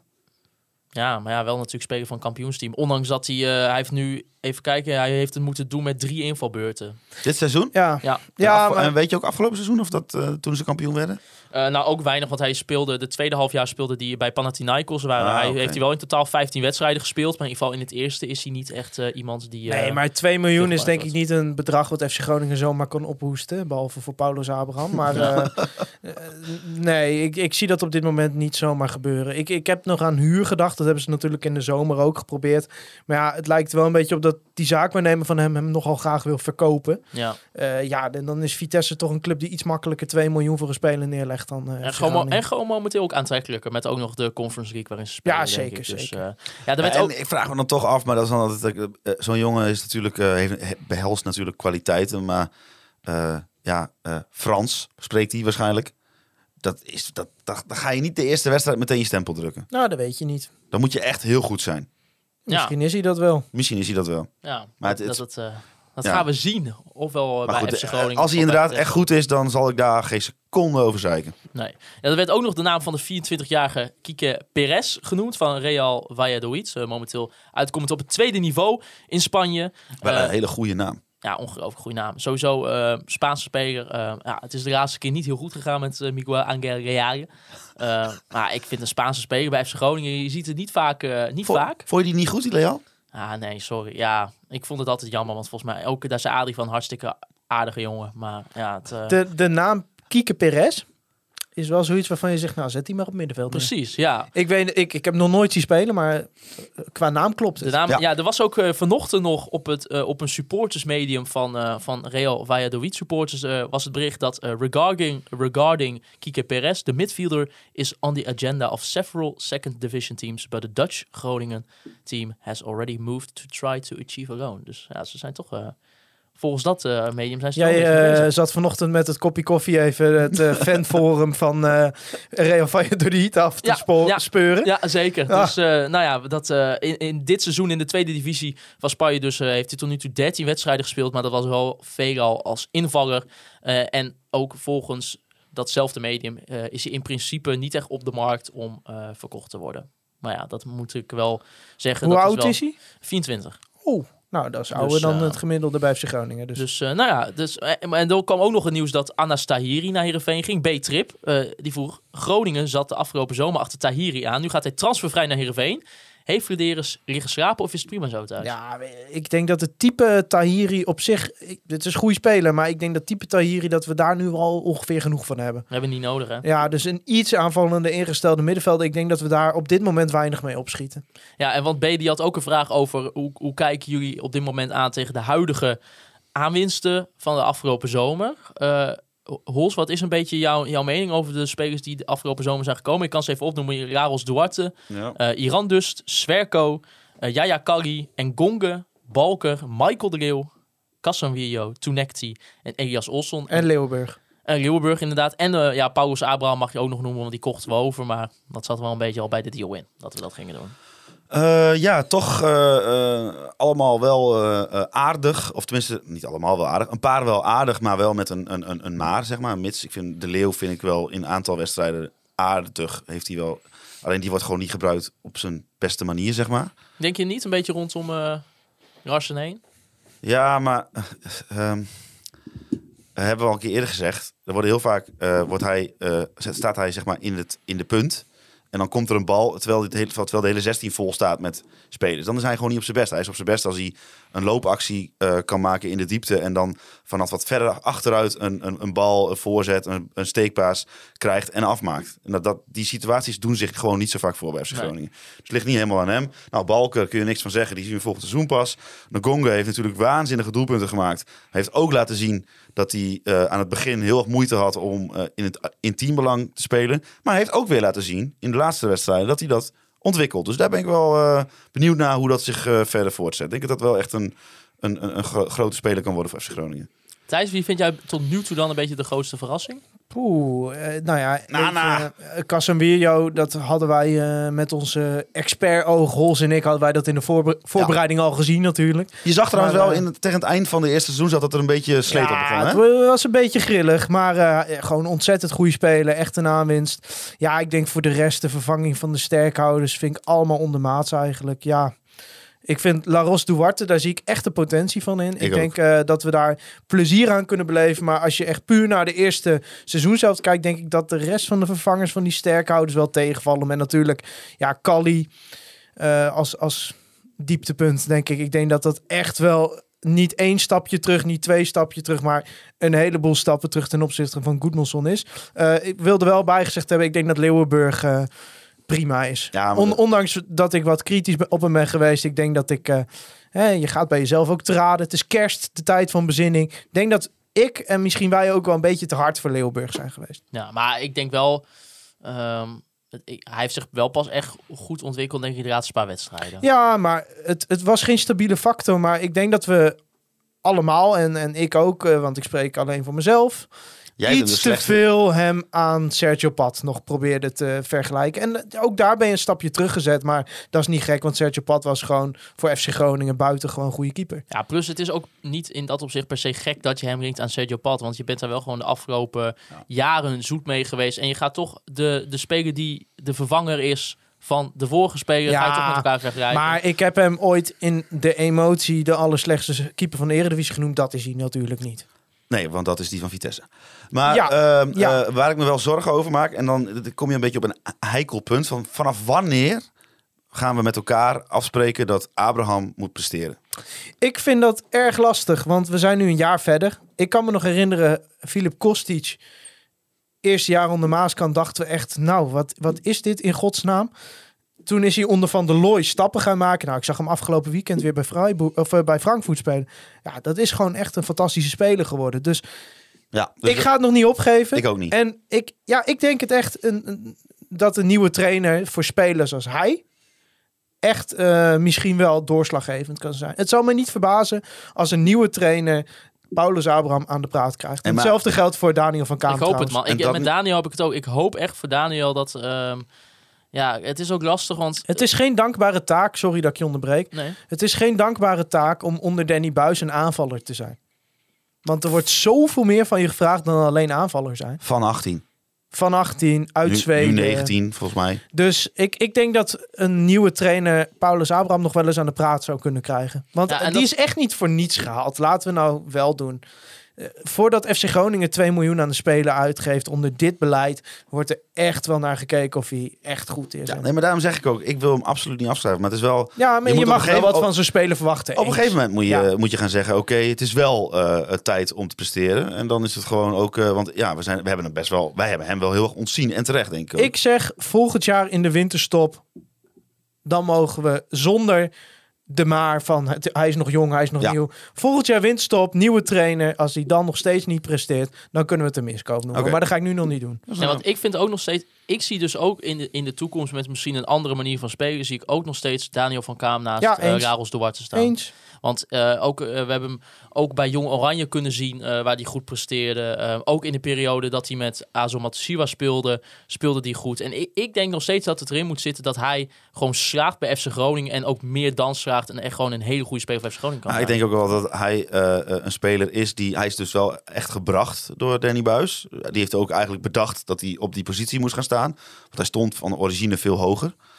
Maar Danny Buis is ook de trainer die wel redelijk vaak in de media ook, ik weet niet hoe dat intern is, wel opmerkingen maakt van dat het niet goed genoeg is. En ik denk ook wel dat hij wel even misschien wel iemand kan gebruiken die even weer zegt van kom Daniel. Ja, maar door. er zitten natuurlijk wel... Kijk, we hadden Wim Maske hier eh, voor de winterstop.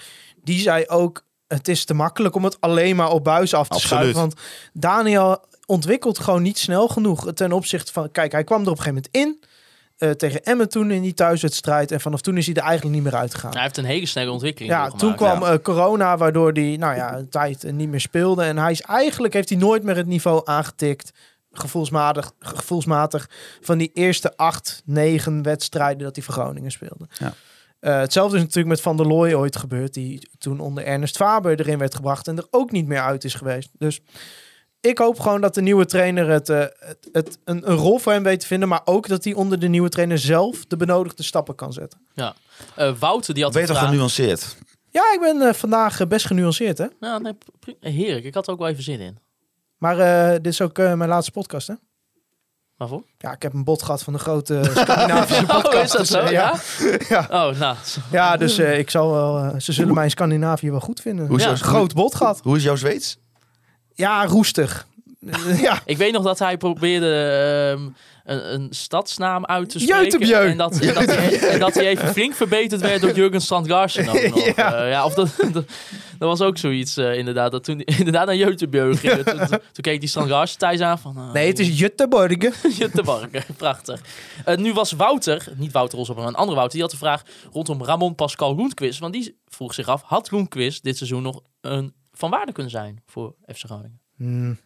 Ook zijn speler, ik heb hetzelfde een beetje met. Hij geeft mij ook een beetje Patrick Joost vibes. Alleen ik, ik vond Patrick Joost had iets meer, eh, iets meer saucy players, als ik dat dan zou noemen.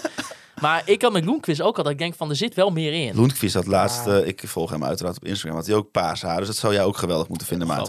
Ja, maar je, je moet even zien, je, soms post hij foto's op Instagram. Want die man die heeft echt de tijd van zijn leven. Jezus, als Ja. je dat toch afzet, dat je misschien hier ergens in, een- in, een, in een flat zit, eh, weet ik veel waar, in, in- rondom de stad Groningen. En dat je daar zit in, eh, bij Panathinaikos. Ah, die- die man die heeft echt de tijd van zijn leven. Ik eh, denk dat Lundqvist, als hij zijn niveau haalt, een speler is die te goed is voor het niveau FC Groningen, maar dat hij dat gewoon nooit haalt. Nee. En daar is- liggen een aantal factoren aan te grondslag.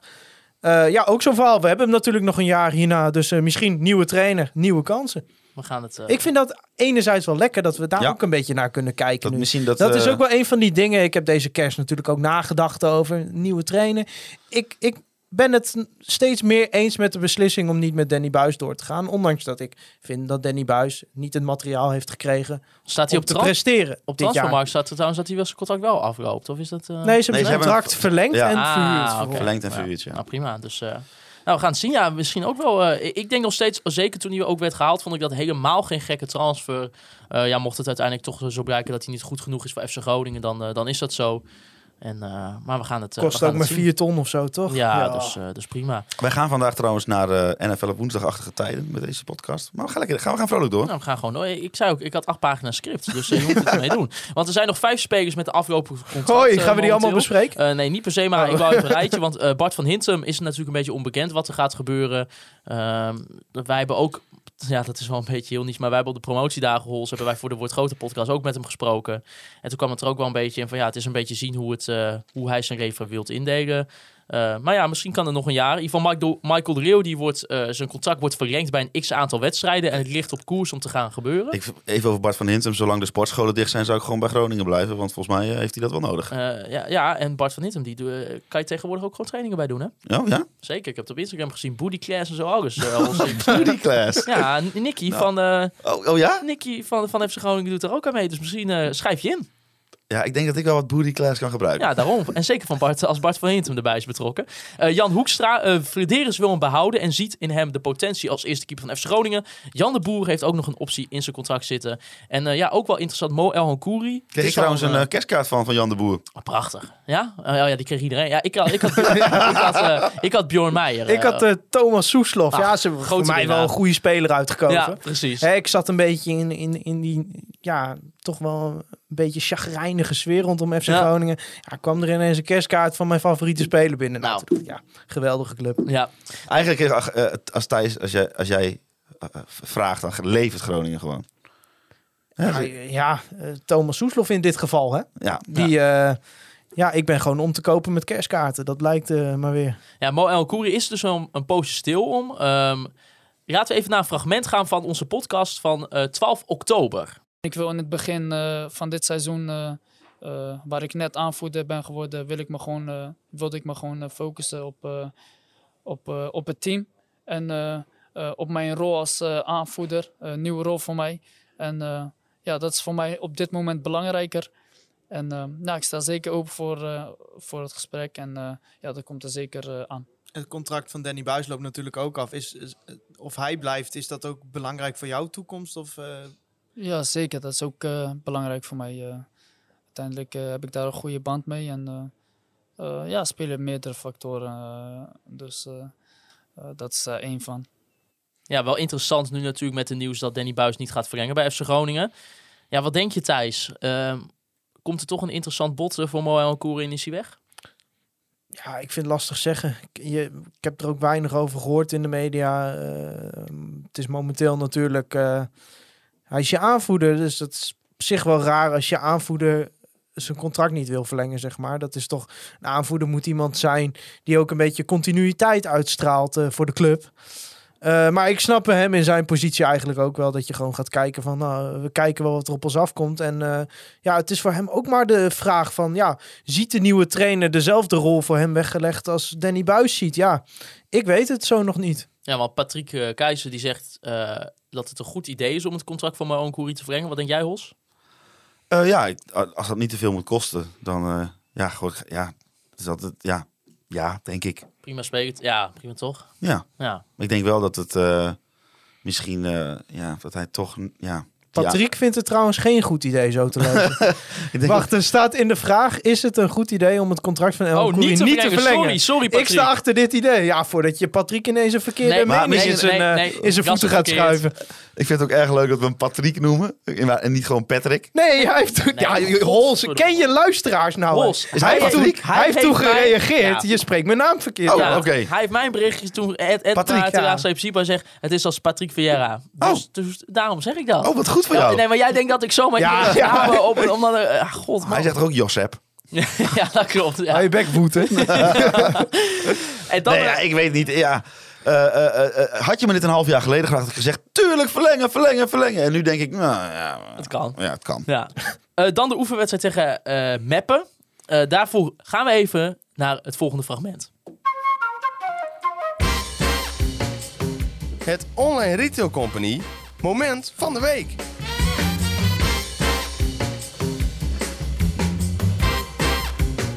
Ja, ons moment van de week. Gesponsord door onze grote vrienden van de Online Retail Company. Eh, de zomer komt er langzamerhand ook wel weer aan. Dus eh, koop daar je opblaasbare zwembaden. Elektrische William pompen erbij die niet op alcohol lopen, maar op elektriciteit dus. Eh, schrikdraad. dingen voor je paarden, voor je honden, kattenvoer. Kortom, ga even naar de, de online retail company. Geweldige winkel. Want wat een beetje wel het moment van de week was. En dit was dus wel weer een stukje goede communicatie van FC Groningen, denk ik. Want de wedstrijd zou eerst alleen worden uitgezonden via Dagblad van het Noorden, waarvoor je een abonnement moest hebben. Eh, en uiteindelijk, mensen reageerden daar toch een beetje chagrijnig op. Die denken van ja, er is eh, door corona is er geen wedstrijd. eh, kunnen wij niet bij de wedstrijden zijn. En vervolgens, als het om dit soort zaken gaat, moeten we allemaal opeens een abonnement hebben bij Dagblad van het Noorden. Vervolgens reageerde Wouter Gudde van, nou, we gaan dat wel uitzenden. We hebben een inschattingsfout gemaakt in de eerdere communicatie. En onvoldoende uitgelegd wat onze aanvankelijke beweegredenen waren. En eh, toen werd de wedstrijd wel uitgezonden op, eh, op YouTube. Eh, Thijs, was je het met me eens? Goede keuze. Ja, zeker. Ik, ik erbij gezegd hebben, ik snapte de aanvankelijke deal niet. Ik snapte niet wat FC Groningen eraan had. Ze hadden de productiekosten daardoor uitbesteed aan Dagblad van het Noorden. Maar iedereen die die wedstrijd wilde kijken, moest een abonnement hebben op Dagblad van het Noorden. Dat vond ik toch wat raar naar je se- seizoenkaarthouders toe. Maar ik vind de manier waarop Wouter Gudde hierop gereageerd heeft, dit statement, vond ik echt, echt top. Gewoon de manier waarop ze de aanvankelijk gemaakte fout erkennen. eh, snel hebben doorgepakt, want het was al twee dagen voor die wedstrijd. Gewoon die deal met eh Dagblad van Noorden hebben gesloten van wij nemen de productiekosten op ons. Ja, volgens mij is dit hoe je... eh, dan mag je ook gewoon fouten maken, weet je wel. Iedereen maakt fouten. Als je ze dan zo recht zet, ik vind dat ja, top. Ja, en tijdens die wedstrijd, dat was eigenlijk als we, we, gaan, we hebben de wedstrijd, eh, gaan we niet natuurlijk uitgebreid analyseren, maar een interessante discussie was wel een beetje rondom de keeperspositie. En dit was ook nog wat, volgens mij was het zelfs vandaag nog wel fris dat Stefan Breken dit benoemde in eh, een van zijn tweets. Ja, Jan Hoekstra stond onder de rat tegen Meppen. Nu gaat Leeuwenburg eh, wel keepen tegen Reudinghausen, of heeft gekiept tegen Reudinghausen. Eh, het is, lijkt niet zomaar eh, even dat Peter Leeuwenburg weer gaat Nou ja, misschien dat eh, Danny eh, op deze manier denkt eh, toch een beetje de druk op te voeren bij Leeuwenburg. Van er staat iemand in je nek te hijgen, dus je moet presteren. Het zou kunnen. Ja, want wij hebben Ik natuurlijk we hebben weinig, we hebben eigenlijk niks gezien van, van Jan Hoekstra de afgelopen maanden. Maar Danny Buis was wel enthousiast over hem thuis. Wat, wat, wat, wat zeg jij? Gewoon doorgaan met Peter Leeuwenburg op de goal? Ik vind in een eh, team waar wel weinig vastigheden in zitten... het niet verstandig om ook nog een keepersdiscussie te gaan krijgen. Dus wat mij betreft blijft Leeuwenburg gewoon staan. Ja, Als ja. ik het voor het zeggen had. Ja. Maar ik sta niet elke dag met eh, die keepers op het veld. Dus nee, maar het was wel, was eh, wel een interessante... dat zij inzicht hebben waardoor ze denken... nou, Jan Hoekstra heeft zoveel stappen gemaakt... die gaan we de kans geven. Ja, Eh Keesje viel op. In de oefenwedstrijd tegen Meppen reek het centrale koppel Bart, Mike, Bart van Inter, Mike Twierik, de voorkeur te krijgen boven Casemiro plus Dammers of Swerko. Is dit niet een beetje vreemd? Aangezien Bart de linksback is en Dammers en Casemiro bezig lijken te zijn met een sterker seizoen dan Mike Twierik. Casemiro ontbreekt natuurlijk tegen PSV. Kunnen we niet al een beetje alvast de, de opstelling eh, geval achterin invullen dat eh, Danny Buis bij PSV gaat kiezen voor in ieder geval met ook Bart op de centrale verdedigerspositie en eh Bjorn Meijer op links. Want we hebben het ook weer gezien, in ieder geval op papier tegen, eh tegen Reudinghausen. Nou ja, je zit er natuurlijk mee dat uh, El Kouri komt terug van de coronabesmetting. Dus ja, de keuze is niet heel reus. Casemiro is uh, geschorst. Dus... Ja, ja, was überhaupt geen mogelijkheid, want die had ook corona. Ja, en Swerko hebben we al een tijdje niet meer uh, gezien in het eerste, volgens mij. Die speelde niet tegen Meppen, toch? Uh, niet, uh, volgens mij, uh, poeh, moet je even vragen. Volgens mij kwam die de tweede helft erin. Oh, maar, nou, dan, correct dan, me van, dan, hij heeft in ieder geval één helft gespeeld. Dan ben ik misschien abuis. Zeg je dat zo? Ja, nou ja, weet ik niet, maar in ieder geval... ik, ik heb het fout. Nou, het, ging ook, het ging ook bij, uh, bij Sverko... Uh... Ik heb ook niet de hele wedstrijd gezien. Ik zal het maar gewoon toegeven. Ja, nee, ik was er na de 45 minuten wel weer klaar mee eigenlijk. ja, dat snap ik wel, ja. ja Sverko... De... Wel fijn dat ze het uitzonden. Ja. Nee. ons moment van de week. Ja, ja, ons, ja inderdaad. Al... ja, maar het is zoiets van, hè, dan heb je het eenmaal en dan hoef je het eigenlijk ook niet. Nee. Ja, ik dacht ook, ja, voetbalsupporters zijn ook wel heel gevoelig voor dit soort dingen. Uh, ja. Moet er gewoon geld verdiend worden, of niet? ja, oh, maar vanuit de dagblad uh, heb ik, uh, vond ik... Nee, nee, vond ik de keuze is vanuit het dagblad te verantwoorden, om daar ja. even op terug te komen. Nee, ja, uh, te Wierik, te Wierik van Hinterman Centraal Duo, om dat even af te sluiten. Dan mag jij daarna. Ah. Uh, ja, ik uh, zou daar niet heel groot voorstander van zijn. Ja, maar kijk wel te gaan gebeuren, denk ja, ik. nou ja, dan uh, zien we het vanzelf hoe dat gaat tegen PSV. Oei, PSV heeft wel snelle aanvallers, toch? Ja. Nou, die zijn allemaal geblesseerd. Oh. Ja, de, volgens mij... Gaat Doan spelen? nee, Doan geblesseerd. Volgens mij Gakpo is nog fit. Vertessen is nog fit. Nou, die is wel redelijk snel. zeg maar ongelooflijk snel. Uh, Vertessen is nog fit, maar volgens mij gaan ze met Fode Fofana starten zelfs. Zo erg Zo. is het qua blessureboeg. Ze hebben een paar spelers die op de Afrika Cup zijn. Uh, nou ja, wat ik zei, blessures, maar ook heel veel coronabesmettingen. Dus uh, ik las dat PSV nog niet zo, eh, nog niet zo fit is, zeg maar. Zeker in de aanval niet. Maar denk je, gaan wij, uh, ja, voordat we het echt over PSV gaan hebben, ga je, gaan we denk je wel met vijf man achterop spelen? Ja, misschien dat ik vind misschien... het zo lastig inschatten. Want in ieder geval, wat ik denk wel, als, als we een beetje de lijn kunnen, kunnen doortrekken, uh, dat je beide oefenwedstrijden begint, in ieder geval met, met Bart van Hinten en Mike de Wierik als centraal duo op de linksback Bjorn Meijer. En dus bijvoorbeeld niet kiest voor Wessel Dammers. Of Zwerko. Ja, ja, ik weet niet. Het is altijd lastig om te kijken hoeveel ja. conclusies moet je nou daadwerkelijk aan oefenwedstrijden verbinden. Vind... Het kan ook zijn dat de Wierik en Van Hintem dermate veel stappen in hun fitheid nog moesten maken. Dat ze zeggen van nou geef die maar wedstrijdminuten. Dat ja. kan ook nog. Ja, en er ging ook nog een nieuws rondom Marin Swerko dat hij uh, heimwee zou hebben. Uh, wij hebben het nog even nagevraagd aan Wim Masker. Die, uh, die wist er in ieder geval niet meer van dat het zo was. Dus ja, zover... Ik heb zelf ook verder er helemaal niets over gehoord. Dus nee, ik, dus, het is een beetje een gerucht dat zijn eigen leven is gaan leiden, volgens mij. Ja, ik zag dus... iemand die hem via via had gesproken en hij had zelf gezegd van hier heb ik nog nooit van gehoord. Dus ja, in mijn hoofd Wilco ja. Ottinga, Ottinga zei dat op, uh, ja, op Twitter. Ja, ik weet niet zeker, maar ik zag iets voorbij komen. Ja. Goed, ja, daar kunnen we eigenlijk ook verder niks over zeggen dan. Nee. Nee. Maar wat ik nog, nog wel geinig vond, is dat de FC Groningen die, uh, die heeft dus die productiekosten uh, betaald voor die wedstrijd. Die, dus die hebben eigenlijk ervoor betaald. Want ik, ik hoorde dat de uh, analisten in de rust niet zo te spreken waren over eh oefenwedstrijden aan zich. Nou, dat kan ik wel. Ja, dat vind ik wel wat. eh, kijk, ik snap prima dat je dat vindt. Eh, en dan heb ik het over, vooral over Jan Mennega. Kijk, dan ik eh, prima dat je dat vindt. Eh, ik moet ook zeggen, mis- misschien vind ik het zelf ook niet zo heel erg Ik interessant. ben er zelf ook na 45 minuten mee opgegaan. Ik vind het, eh, of tenminste, ik vind het eigenlijk in de zomer vind ik het interessanter vaak dan, dan in de winterstop op een of andere manier. Eh, net wat Thij zegt, na 45 minuten heb ik, het, al heb ik het ook weer afgezet. Maar ik vind wel, als je daar dan eh, analist bent voor die wedstrijd, dan vind ik wel dat je, dat je in, de, in de rust toch wel even op, op een andere manier eh, ik heb het dus niet gezien. lading mag geven aan die wedstrijd. Want het was wel echt gelijk van, eh, ja Jan, eh, jij vond het verschrikkelijk hè? Ja, ja als voetballer en ook als, en ook als verslaggever. Ja, eh, ik heb er geen zin in. We gaan het zien. Ja, en, en dat, dan denk ik, ja, kom op jongens. Ik bedoel, eh, zet dan iemand anders er neer die op dat moment wel zin heeft. Niet per se dat Jan Mennega er nooit hoeft te zitten. Maar in dit geval denk ik van, ja, had misschien dan toch iemand gekozen die, die, die het wel interesseert. Gewoon voor, voor de productie, zeg maar. Ja. Maar ja, dat is... eh, Eens. maar ja, Eh, dan wil ik ook nog even het kort hebben. Ja, dit is wel ook heel niche. eh, over het hotel waar FC Groningen. Zijn nog maar anderhalf uur bezig. Nou ja, maar joh. ik denk dat dit zomaar een cruciaal omkeerpunt kan zijn in het seizoen. Want je ziet gelijk tegen Rodinghausen win je met 4-1. Daar, wo- daar, wordt even, daar wordt even een statement gemaakt. ja, en jij hebt het hotel opgezocht. Ja, ho- hotel eh Klosterforte in Harsewinkel Marienveld. Is FC Groningen trouwens al een keer eerder geweest. Oh, Onder leiding van eh, Ernest Faber. ja, zeker. En eh, als we daar even naar een vier sterren hotel. oh. Heerlijk. Ehm, het ligt een beetje op een romantische plek.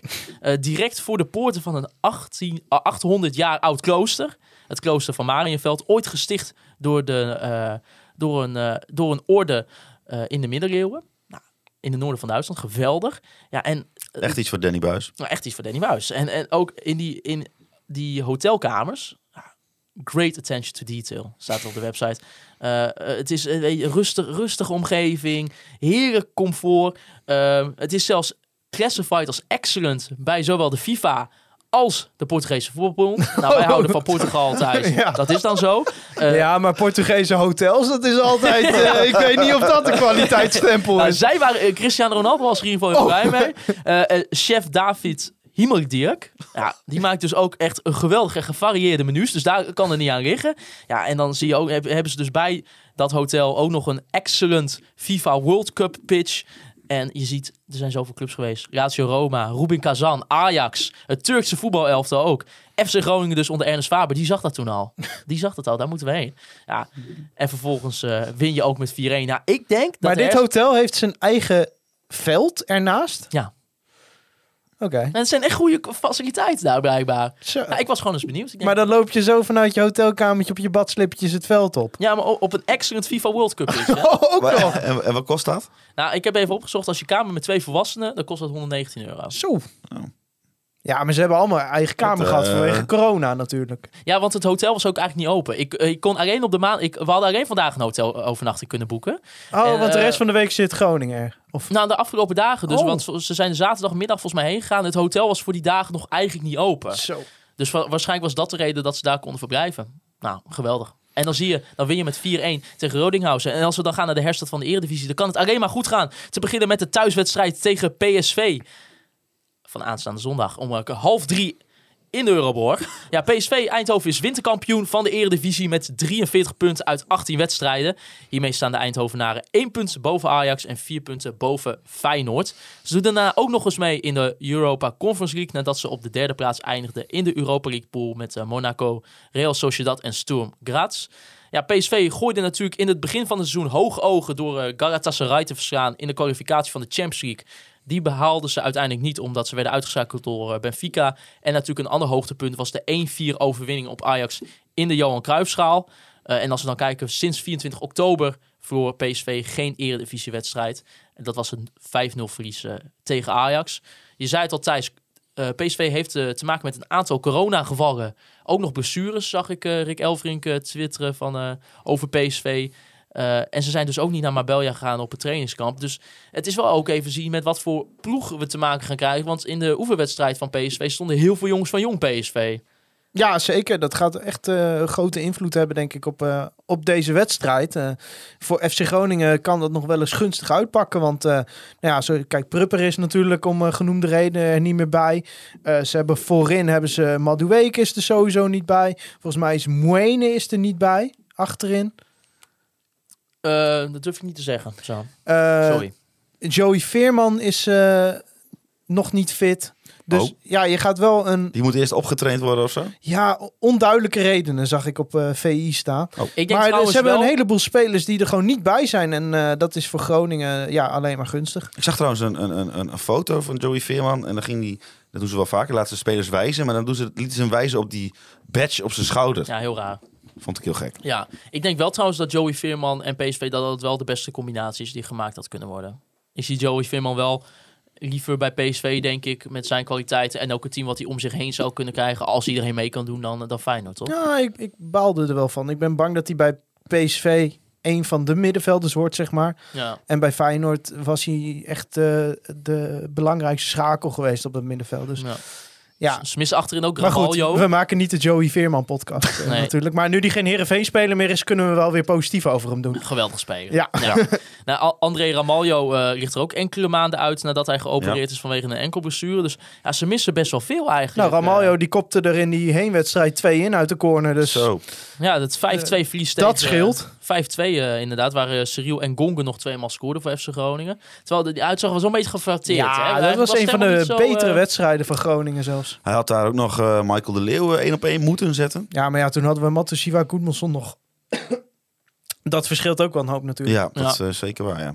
Nou, ook wel opvallend bij PSV is Mauro Junior, die eh, op linksback opeens eh, goed speelt. En ook, eh, als ik het zo mocht horen van, eh, van de heren van, eh, van de PS, PSV-podcast, gewoon eh, ja, de voorkeur lijkt te krijgen boven uh, Philip Max nu. Dat vind ik Dus, echt eh, bijzonder, want dat vond ik echt een hele goede linksback.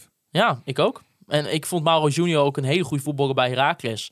Ehm, en ik had ook wel verwacht dat hij misschien wel bij PSV wat, eh, nog wel wat ging spelen. Maar ik had niet verwacht dat hij zo eh, op een andere positie zeker eh, zo goed zal excelleren. Dus, eh, en je ziet ook dat eh, bijvoorbeeld Erik Gutierrez, die maakt ook weer aan het einde van het, eh, van de eerste seizoen zelf opeens weer heel veel minuten. Is- Dus eh, Maar is dit weer zo'n eh, typisch geval van als je ze wil pakken, dan moet het nu, Thijs, denk je?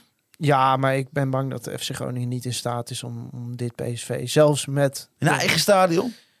Ja, maar Jorbe Vertessen en Cody Gakpo de, zijn er wel bij. Ja, dat, dat zijn gewoon twee ontzettend goede spelers. Ja, daar heb je wel en die. Fode Fofana, die komt natuurlijk uit Groningen. Dus Ja. die is alleen maar meer gebrand om daar eh, wat goals te maken. Dus ja, ik, eh, nou, ik sta niet bekend om mijn positiviteit. Maar eh, tegen deze wedstrijd zeg ik niet per se positief. Maar het helpt Nee. wel dat, eh, dat ze natuurlijk wat afwezig hebben. En dan heb je ze ook maar gehad. Ja, en dan krijg je Vitesse uit de week daarna. Dus heel veel makkelijker wordt het ook niet. Maar... nee, het is wel even die, twee, eh, die eerste twee wedstrijden is wel echt een beetje taai. Ja, maar dan heb je de eventuele nieuwe aankoop heb je er weer bij in de wedstrijd dat Groningen echt punten moet pakken. Ja, plus je hebt, dan krijg je wel Go Ahead Eagles thuis, Fortuna Sittard eh, thuis en uitwedstrijd bij PEC Zwolle.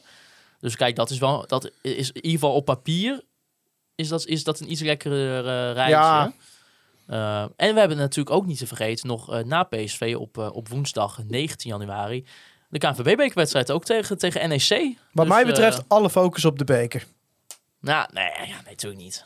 Nee, voor de komende, we- voor de komende week. Hè? Voor de ko- ik ja. zeg niet voor de rest van het Ja, seizoen. oh nee, Als 100%. Maar Als je ik, tegen ik, PSV iemand hebt die misschien een pijntje heeft, waarvan je denkt van, nou, moeten we dat Ja. nou wel doen? Niet doen. Ik, heb, ik heb NEC. liever dat we van PSV verliezen dan van NEC in de beker. Ja, oh nee, 100% eens. Eh, ja, ook nog even over de ideale formatie in spelers. Was het Ed Erik T. 92, die vroeg eh, af. Ik ben wel benieuwd welke spelers en welke formatie jullie nu het liefst zien.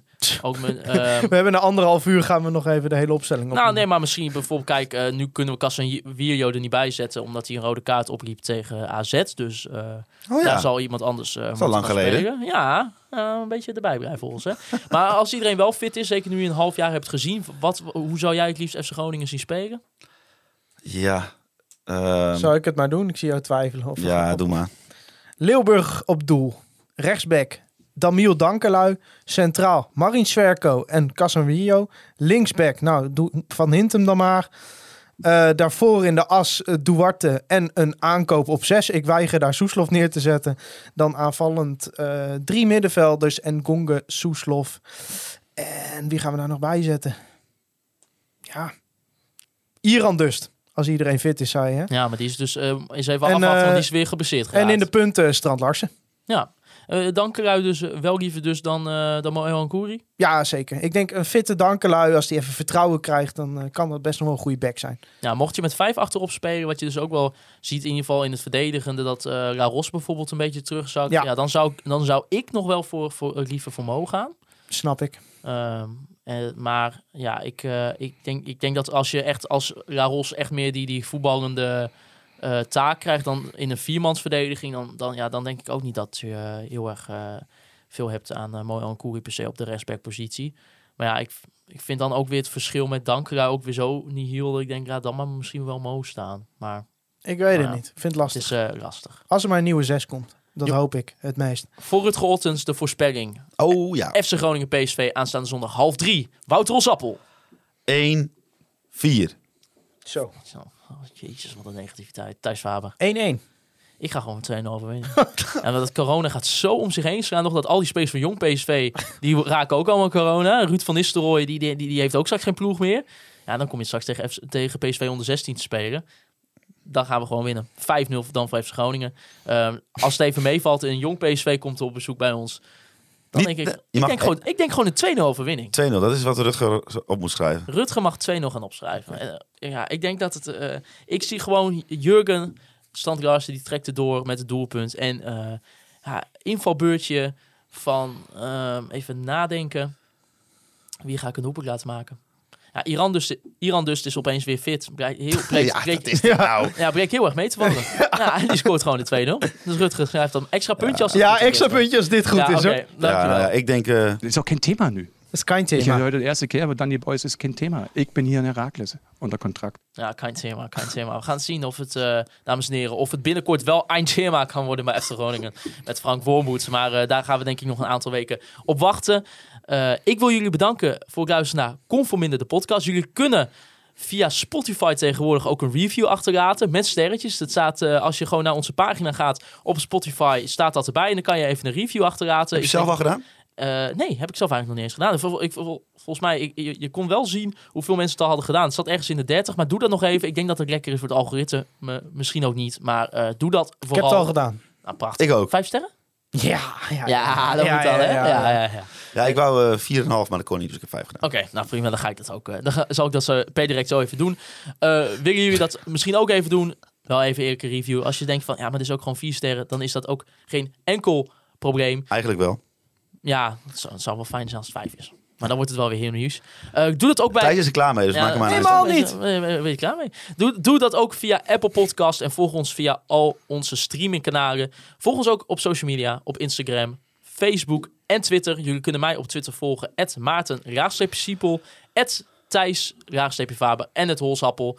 Ik wil natuurlijk onze Petje.affers bedanken voor het supporten van Conforminder de podcast. Er komt natuurlijk ook weer een tegenstander van de week aan. Met iemand die ons meer kan vertellen over PSV Eindhoven. En hoe ze er momenteel nu, zeker met corona, voor staan. Ik wil Andy Zuidema bedanken voor de foto's die wij wederom weer mogen gebruiken. Voor al onze social media posts. De Online Retail Company en B-Trip voor de Online Retail Company. Moment van de week via Buurse. Ze kwam drie keer langs. Prachtig via. Bedankt dat we jouw muziek mogen gebruiken. Weer een duur weekje. Nou, een heel duur weekje. En Free Westerhof en Mark Pepping natuurlijk voor de prachtige intro en outro muziek. En ik wil jullie bedanken voor het luisteren naar Conforminder, de podcast. Als.